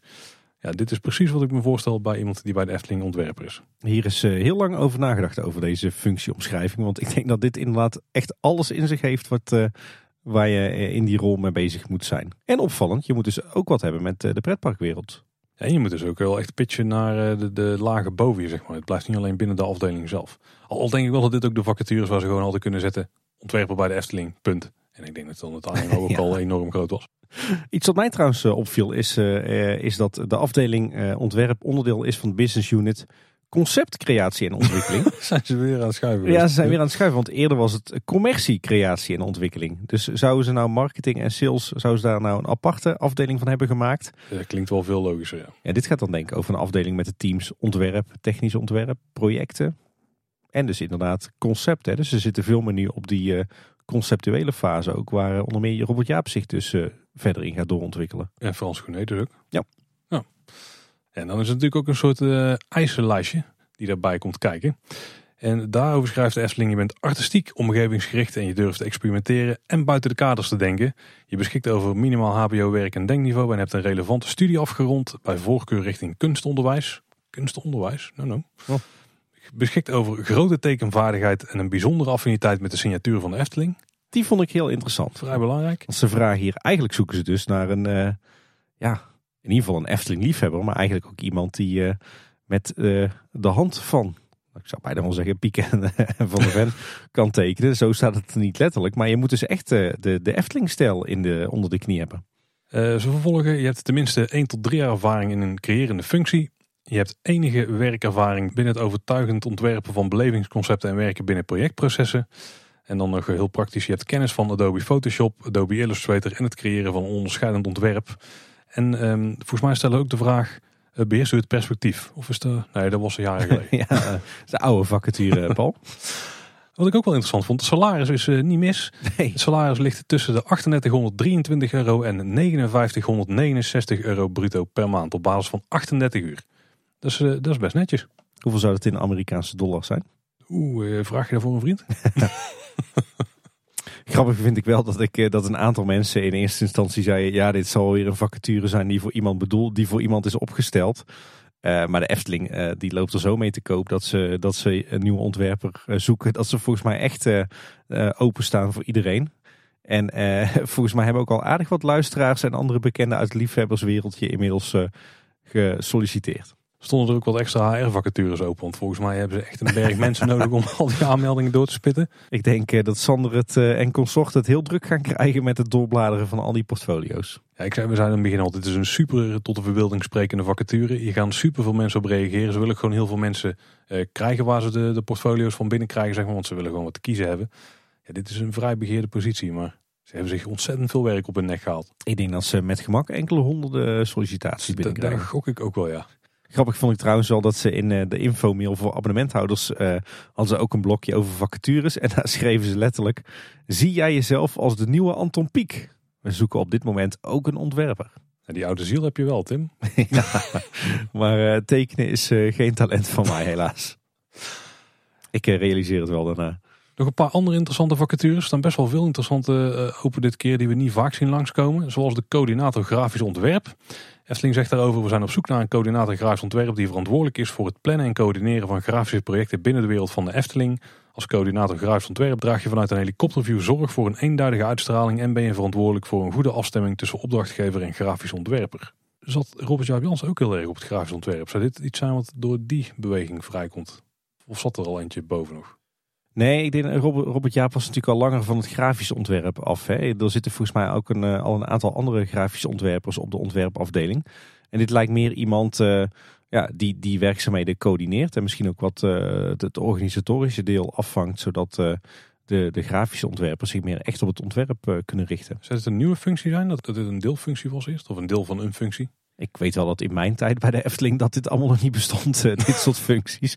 Of het echt nieuw is, durf ik niet te zeggen. Maar, uh... nou, in ieder geval wat een, grafisch, uh, wat een coördinator grafisch ontwerp dus uiteindelijk doet, is het coördineren en plannen van grafische projecten. Denk bijvoorbeeld aan de parkcommunicatie, zoals de signing voor horeca, retail en algemene gastcommunicatie, zoals de plattegrond. Interessant. En zie je erop toe dat er nieuwe relevante content in lijn met de identiteit van de Efteling wordt ontwikkeld. Ze zitten toch wel heel erg bij die ontwerpafdeling op de vraag, eh, wat is nou Eftelings? Ja, nou daar hebben wij een aflevering over gemaakt, dus eh, check hem nog even, heren en dames. Goede ontwikkeling dat daar nu eh, zoveel aandacht voor is. Er natuurlijk op hoog niveau nog meer mensen die een steentje kunnen bijdragen aan de Efteling-organisatie. Zoals een manager horeca park. En dan denk je van ja, maar iedere horecalocatie heeft toch een manager. Nee, dit is dus echt de manager voor de horeca in het totale park. Ja, je bent echt de eindbaas van de horeca. Je bent verantwoordelijk voor ruim duizend medewerkers. Dit is geen kleine baan, nee. Nee, en ruim 50 horecalocaties binnen de Efteling met ongeveer 50 miljoen euro omzet. Zo. Nou, als, als manager horecapark ben je verantwoordelijk voor verschillende zaken. Maar onder andere voor de productontwikkeling, het assortiment, de capaciteit en prijsbepaling. Dus binnen de horecalocaties. En stuur je op de maximale gasttevredenheid binnen de horeca. Dat is zeker een toffe baan. Ja. En buiten de manager horecapark staat er ook nog een business controller vacature open. En je hebt helemaal uitgezocht wat hij dan doet, hè, Tim. Ja, nou ja, ik heb de vacature gelezen. Nou ja, dat is wel mooi. Dan ben je een soort, eh, ja, eigenlijk een soort financiële eh, spin in het web. Hè. Je houdt je dan bezig met, eh, met de financiën van de Efteling. En met name bijvoorbeeld met het, met het opstellen van business cases. Dus ik kan me voorstellen dat je dan gaat becijferen welke investeringen verstandig zijn te doen en hoe dat je die financiert. Eh, en je, je geeft dan ook gevraagd en ongevraagd advies aan de directie en het eh, MT. Maar je schuift dan bijvoorbeeld ook aan bij, eh, bij projecten om het over de financiële haalbaarheid te hebben. Dus vanuit het oogpunt van financiën ook een hele spannende functie. Ja, zeker. En sowieso staan er weer bergen vacatures open. hè. Het is februari, maart. is ook van oudsher altijd de tijd waarin ze enorm veel mensen zoeken voor het park. Zowel vast als, als bijbaan. En nu natuurlijk ook heel veel voor de hotels en resorts. Ik geloof dat er 35 openstaan op dit eh, moment. Dus eh, de sla slag zou ik zeggen. Dan was het ons de vorige keer opgevallen dat er niet werd gesproken over gastheer en gastvrouw in de vacatures, maar gewoon over medewerker. Over collega zelfs. Hè? Loopings heeft even daar wat navraag over gedaan bij de Efteling. En eh, die hebben teruggekregen dat op advies van een extern bureau de Efteling deze aanduiding een tijdje geleden heeft laten vervallen. Dus die van gastheer en gastvrouw. Dat heeft volgens een voorlichter in ieder geval niks te maken met het aanspreken van non-binaire personen. Maar het zou vooral simpeler zijn richting de buitenwereld. In vacaturetitels gebruiken ze de laatste tijd vooral het woord collega. Zo wordt er gezocht naar een collega bediening, collega theater en evenementen. En daarmee wil de Efteling zich presenteren als een goede werkgever. Weet ik niet helemaal hoe dat dan zoveel verschil maakt ten opzichte van gastheer en gastvrouw. Maar Nou, misschien omdat je daarmee benadrukt dat je heel erg collegiaal moet zijn. ja, nou, de- ja het zou zomaar kunnen. Daar hebben we het vorige keer al een beetje over Ja. gehad. hè. En dan er nog een eh, Peter Koppelmans nieuwtje. De vorige keer, eh, dit is bijna een vast kopje, maar de vorige keer konden we al melden dat hij zijn eigen adviesbureau is begonnen. Maar hij heeft ook eh, zijn eerste klus binnengehaald. En dat is voor Madurodam. En dat is een flinke klus, want Madurodam gaat eh, behoorlijk eh, fors uitbreiden. Flinke En, klus bij Madurodam. ja. Een vierkante meter gaan ze aanpakken. En wat gaat Peter daar doen? Die gaat sturing geven aan het ontwikkelproces. Samen met wat mensen van Madurodam zelf en wat externe ontwerpers. En ik moet zeggen, ik heb toch wel een eh, zwak ontwikkeld voor Madurodam de laatste jaren. Zeker sinds we kids hebben. Dus eh, ik kijk erg uit naar eh, die uitbreidingsplannen. En nu Peter er aan de gang is, nog een beetje extra. Ja, het is geen kleine klus. Peter bellen dus. Hey, we hebben zijn slogan ook alvast bedacht. Ja, precies. Hey, nog een leuke update van het Antropiek Museum op de Valreep. Het Antropiek Museum is namelijk te gast geweest bij de Efteling afgelopen week. En daarbij zijn ze om tafel gegaan onder meer met Koen Sanders, Kari Koppelmans en Gerry van Dongen. En eh, daarbij hebben ze gezamenlijk nagedacht over een volgende expositie in het Antropiek Museum in 2022. En nog veel meer. Oeh, zou er ook eh, wat Anton Pieck Museum objecten de, de Efteling heen komen misschien? Oeh, dat eh, is ook een goed idee. Ze bestaan inmiddels 70 jaar. Een expositie vervangen in het Efteling Museum zou ook niet verkeerd zijn. Nee, nee, nee. Klinkt als een eh, goede samenwerking. En dan nog een, een video die ik eh, zelf echt niet zag aankomen, want ik ken het hele kanaal niet. Maar ken jij Defunctland, Tim? Die ken ik ja. Een- zo'n YouTube kanaal en die, die gaat vooral over Disney, maar ook soms wat uitstapjes naar andere parken. En die eh, behandelen dan inmiddels verdwenen attracties of, of parken die nooit zijn gebouwd en dat soort zaken. Nou, daar is natuurlijk allemaal gefocust op die Amerikaanse parken. Maar er is dus blijkbaar ook iemand die dat soort video's maakt. In ieder geval eentje heeft gemaakt over de Efteling, namelijk eh, Epicness NL. En ik denk dat je het linkje even in de show notes moet checken, want het is echt niet te spellen. Maar die heeft een video gemaakt, de opkomst en ondergang van Harthof. Ik denk dat voor de, de zoals wij daar niet heel veel nieuws in zit. Maar het is wel heel mooi om het zo samengevat te zien in één eh, video met, met heel veel beeldmateriaal erbij. Ja, is heel goed gedaan. We hebben het zelf ook al eens ooit proberen uit te leggen in een, eh, een aflevering over niet gerealiseerde projecten. Eh, maar Ep- Epicness die heeft echt ruim de tijd genomen om dit eens heel goed onder de loep te nemen en, en uit, te- uit te werken. Dus mooie productie. Ik ga er richting de 20 minuten ook volgens mij. Ook met een heel stuk uitleg over de wereld van Pardoes en hoe die tot stand is gekomen. En hoe Henny Knoet erachter zit. En ook de tv-serie die bijvoorbeeld is gemaakt. En alle aanzetjes richting uh, het uitbreiden van die wereld van Pardoes. Wat dan uiteindelijk had moeten uitmonden in het grote Harthof. Maar hoe dat dan weer is teruggeschaald, et cetera. En dan zijn we door het kort nieuws heen en dan komen we aan bij je. En dan nog dit. En ik uh, wil daar eigenlijk één ding aanhalen, maar wat een beetje onhandig is. Ik heb nog geen tijd gehad om het zelf door te nemen.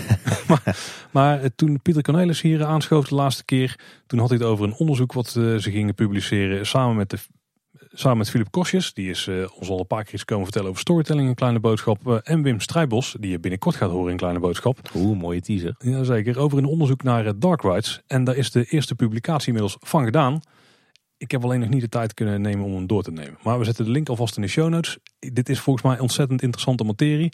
Eh, ik heb volgens mij vanuit uh, ieder van die drie hoeken hebben er al een klein beetje iets over gehoord. Van wat er in het uh, onderzoek staat. Nou, ik heb er al een, even snel naar gekeken. En wat ze in, in deze eerste publicatie doen is dat ze enorm veel dark rights onder de loep hebben genomen in Europa en volgens mij ook het Midden-Oosten.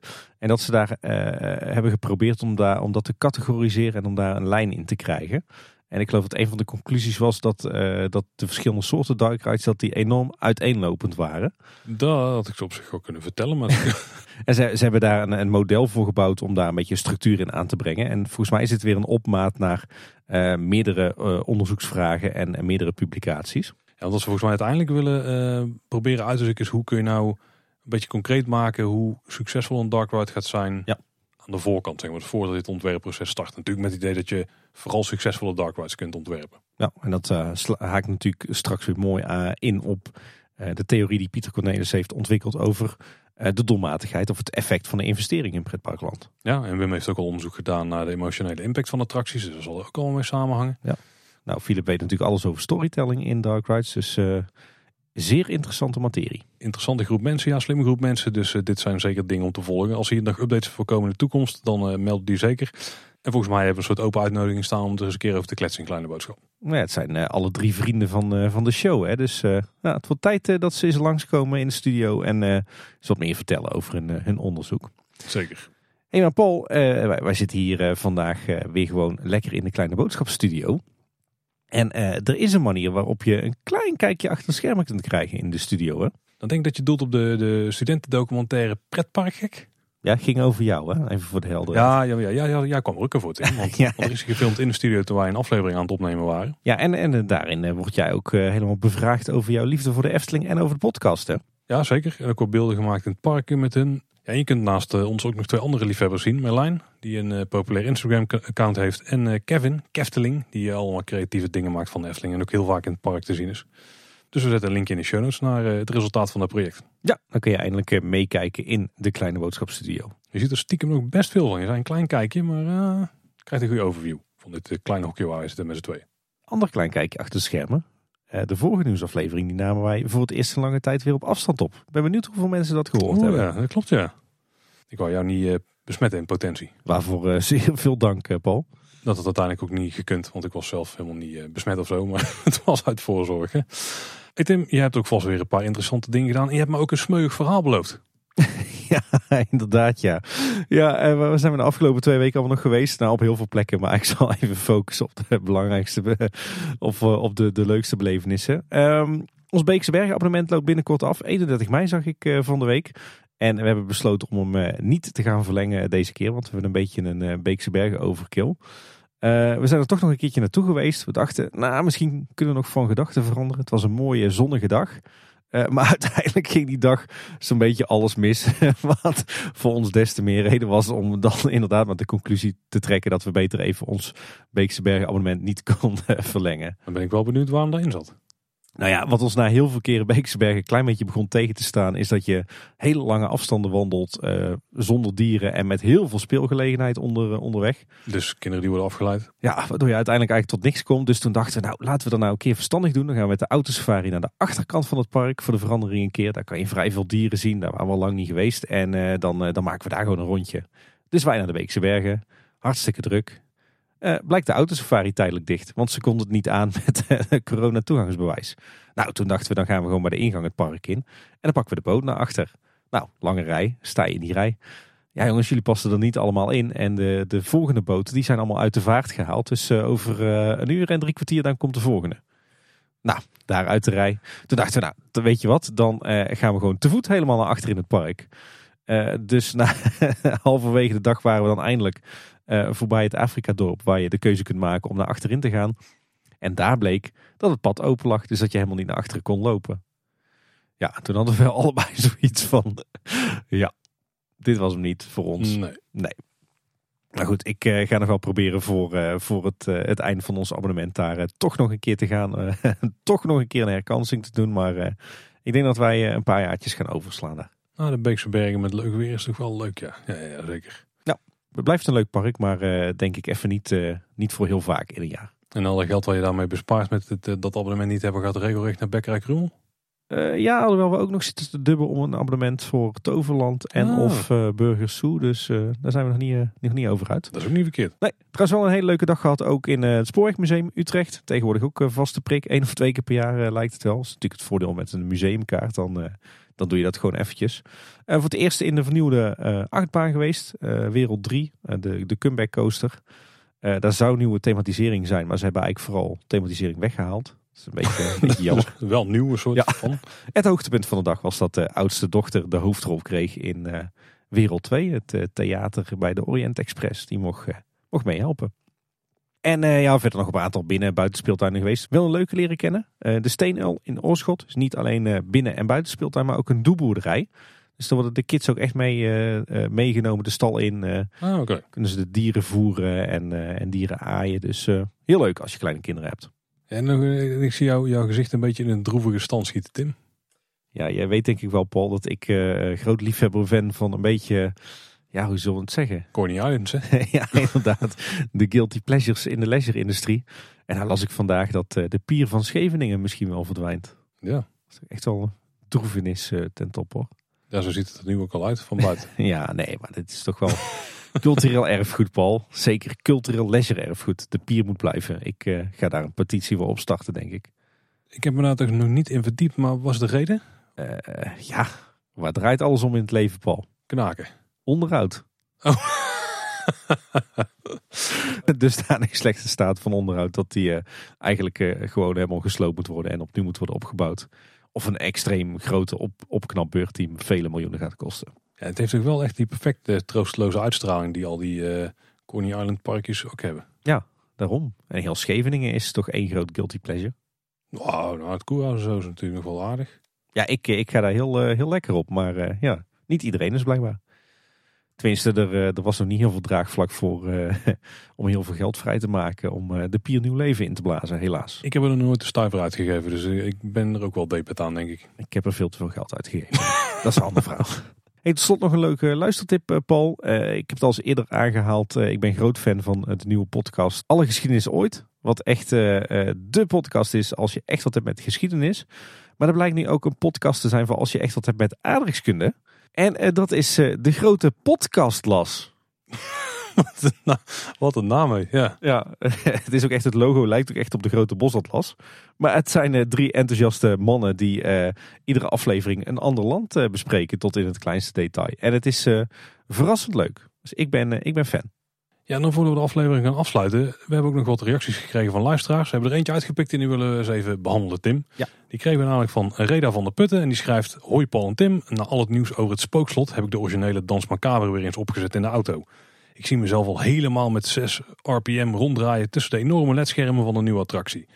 Moet er eigenlijk nog wel iets gebeuren met die muziek? Of is die al helemaal af zonder tussenkomst van René Merkelbach? Hmm, Hmm. interessante kwestie. Ik wil deze best beantwoorden met in het achterhoofd dat het dus wel dat Dome Ride Theater zou kunnen gaan worden. Ja. Want wat ik daar een van de interessante aspecten van vind is buiten dat je dan inderdaad met zes uh, omwentelingen per minuut kunt draaien en op en neer kunt gaan, dat je zo'n groot ledscherm erin hebt zitten, is dat er ook meerdere kanaals audio in zit. Volgens mij 16 kanaals uh, met 16 separate kanalen. Dus dan kun je echt rondom je heen echt zo'n Dolby Atmos uh, doom aan geluid ook creëren, zeg maar. En ik denk dat als je die muziek daar optimaal tot zijn recht wil laten komen, dat je dan wel naar een nieuwe opname moet gaan kijken. Omdat de opnames die ze waarschijnlijk nu hebben, maar mono of in het beste geval stereo zijn. Ja. En ik denk dat het dan uh, toch wel heel tof zou zijn om die opnieuw op te nemen. Zodat je verschillende instrumenten uit verschillende hoeken meer uit kunt laten komen. Zeg maar. Dat is iets wat natuurlijk niet kan met de opnames die je nu hebt. Maar volgens mij is dit stuk zo ingebakken in, bij iedereen. Dat als je dit door een orkest laat spelen. Dat er gewoon de juiste mensen erop zet. Dat je het vrijwel identiek opnieuw kunt opnemen. En identiek kunt laten klinken zoals het nu is, maar dan in veel hogere kwaliteit. En met dus het voordeel dat je het echt van alle kanten kunt laten komen. Maar ik denk ook dat als je daar iets mee wilt gaan doen, dat er misschien ook wel iets meer ja, elementen al op andere plekken in de attractie zouden terugkomen. Dus dat je al, zoals René wel vaak doet, weet je wel, dat die plukjes van die muziek al laat terugkomen. Misschien op een heel ander tempo en een heel andere setting dan in de hoofdshow. Ja, echt variaties op het hoofdthema. Ja, dat je al een beetje eh, daar naartoe opbouwt, ook met de muziek, terwijl je richting de hoofdshow beweegt, zeg maar. Dus Ja. ik, ik denk dat daar we dan wel een nieuwe variant, of in ieder geval een opnieuw opgenomen versie van zou komen, die je misschien niet kunt onderscheiden in de basis van het origineel. Misschien op detail, er zullen vast wel wat dingen opvallen. Eh, maar ik denk dat ze daar wel eh, mooie dingen mee zouden kunnen doen. Misschien auteursrechten technisch ook wel eh, verstandiger. Daar is ook een groot voordeel, ja. ja, Ja, ja, want de muziek zelf is inderdaad auteursrechtvrij. Alleen de opnames zelf, daar is natuurlijk nog wel auteursrecht op. Want die zijn waarschijnlijk vaak jonger dan x jaar. En dan is opnieuw opnemen, dan ben je volledig vrij met wat je doet. Ja, de uitvoering moet dus nog wel, dan denk ik even een aandachtspuntje. Want ik heb ehm, volgens mij het Brabants Orkest een aantal keer de Dans Macabre horen spelen live op het nieuwjaarsconcert. En, en nou weet ik niet extreem veel van muziek, maar ik had wel de indruk dat het orkest het tempo niet kon bijbenen. Ja, kijk, er zijn dingen die natuurlijk met opnames gewoon heel makkelijk kunt gladstrijken. En de instrumentatie die je dan bij zo'n orkest hebt, is waarschijnlijk ook niet perfect voor de uitvoering van het exacte stuk. Dus dan zou je weer specifieke muzikanten erbij gaan betrekken, zoals we wel vaker doen bij eh, die opnames. Ja, ja, ik denk dat René dan inderdaad ook weer gewoon naar de Galaxy Studios gaat in, eh, in Mol. Maar dat hij eh, de beste muzikanten laat aanrukken. En waarbij dat hij alles los opneemt en daarna weer mooi gaat stapelen. Zoals dat hij ons in de aflevering van Song Exploder heeft, heeft geleerd. Eh, terwijl de, de, de concerten die ik natuurlijk heb, eh, heb bijgewoond, dat was het gewoon live met het hele orkest in één keer. Ja, ja daar scheelt ook echt enorm veel. Ja. Ja. Ja. Ja. Dan heb je ook veel minder invloed naar de rand op nog eh, wat je hoort. En het voordeel is denk ik ook van Dans Macabre. Dat ding nogmaals is zo ingebakken bij iedereen. Ze weten precies welke instrumenten ze moeten hebben. Waarschijnlijk zelfs precies welke viool eh, merk of zo moeten aan laten rukken. Om dezelfde klanken eruit te krijgen. En welke ruimtes je moet spelen, et cetera. Volgens mij is daar vrij goed gedocumenteerd. Ik heb er wel vertrouwen in. Ik heb er ook zeker vertrouwen in. Ja, en ik zie het ook echt helemaal gebeuren. Dat we daar inderdaad rondzwieren met die muziek. En dan wel ondersteunende beelden nog. Want nogmaals, ik denk dat die fysieke attractie al heel tof gaat worden. En dat alles wat er omheen nog gebeurt alleen maar bonus is. Ik eh, zie ons ook al helemaal rondzwieren daar op, die, eh, op de maat van de muziek, ja. Nou, wat het ook gaat worden, binnen twee jaar weten we het. Zeker. En tot die tijd volop voorpret. Weten we het binnen twee jaar? Misschien dat het iets meer dan twee jaar nog duurt. Maar het zal niet heel veel schelen. 2024 hè? Ja. In de loop van het jaar. Voorpret zat ja. Al met al best wel een eh, berg positief nieuws, eh, deze nieuwsafleveringen, Paul. Eh, alle coronamaatregelen weg. Ruime openingstijden dit voorjaar. Lekker veel bouwwerkzaamheden in het park. Veel grote nieuwe projecten om naar uit te kijken. Leuke nieuwe functies in, het, in de Efteling. Veel onderhoud. Lekker positieve nieuwsaflevering. Ja. En ik hoop vooral dat we heel snel dingen gaan horen over al die lopende projecten. Iets meer dan er komt iets aan. En eh, lekker veel concept art natuurlijk. Daar hoort daar wel bij. Ja. Zo goed voor de puntentelling. trouwens. Wil je ons nou volgen op social media? Daar hebben we heel makkelijk voor je gemaakt. Als je naar kleineboodschap.com slash volgen gaat, dan vind je daar alle kanalen waar wij te volgen zijn en kun je je heel makkelijk abonneren.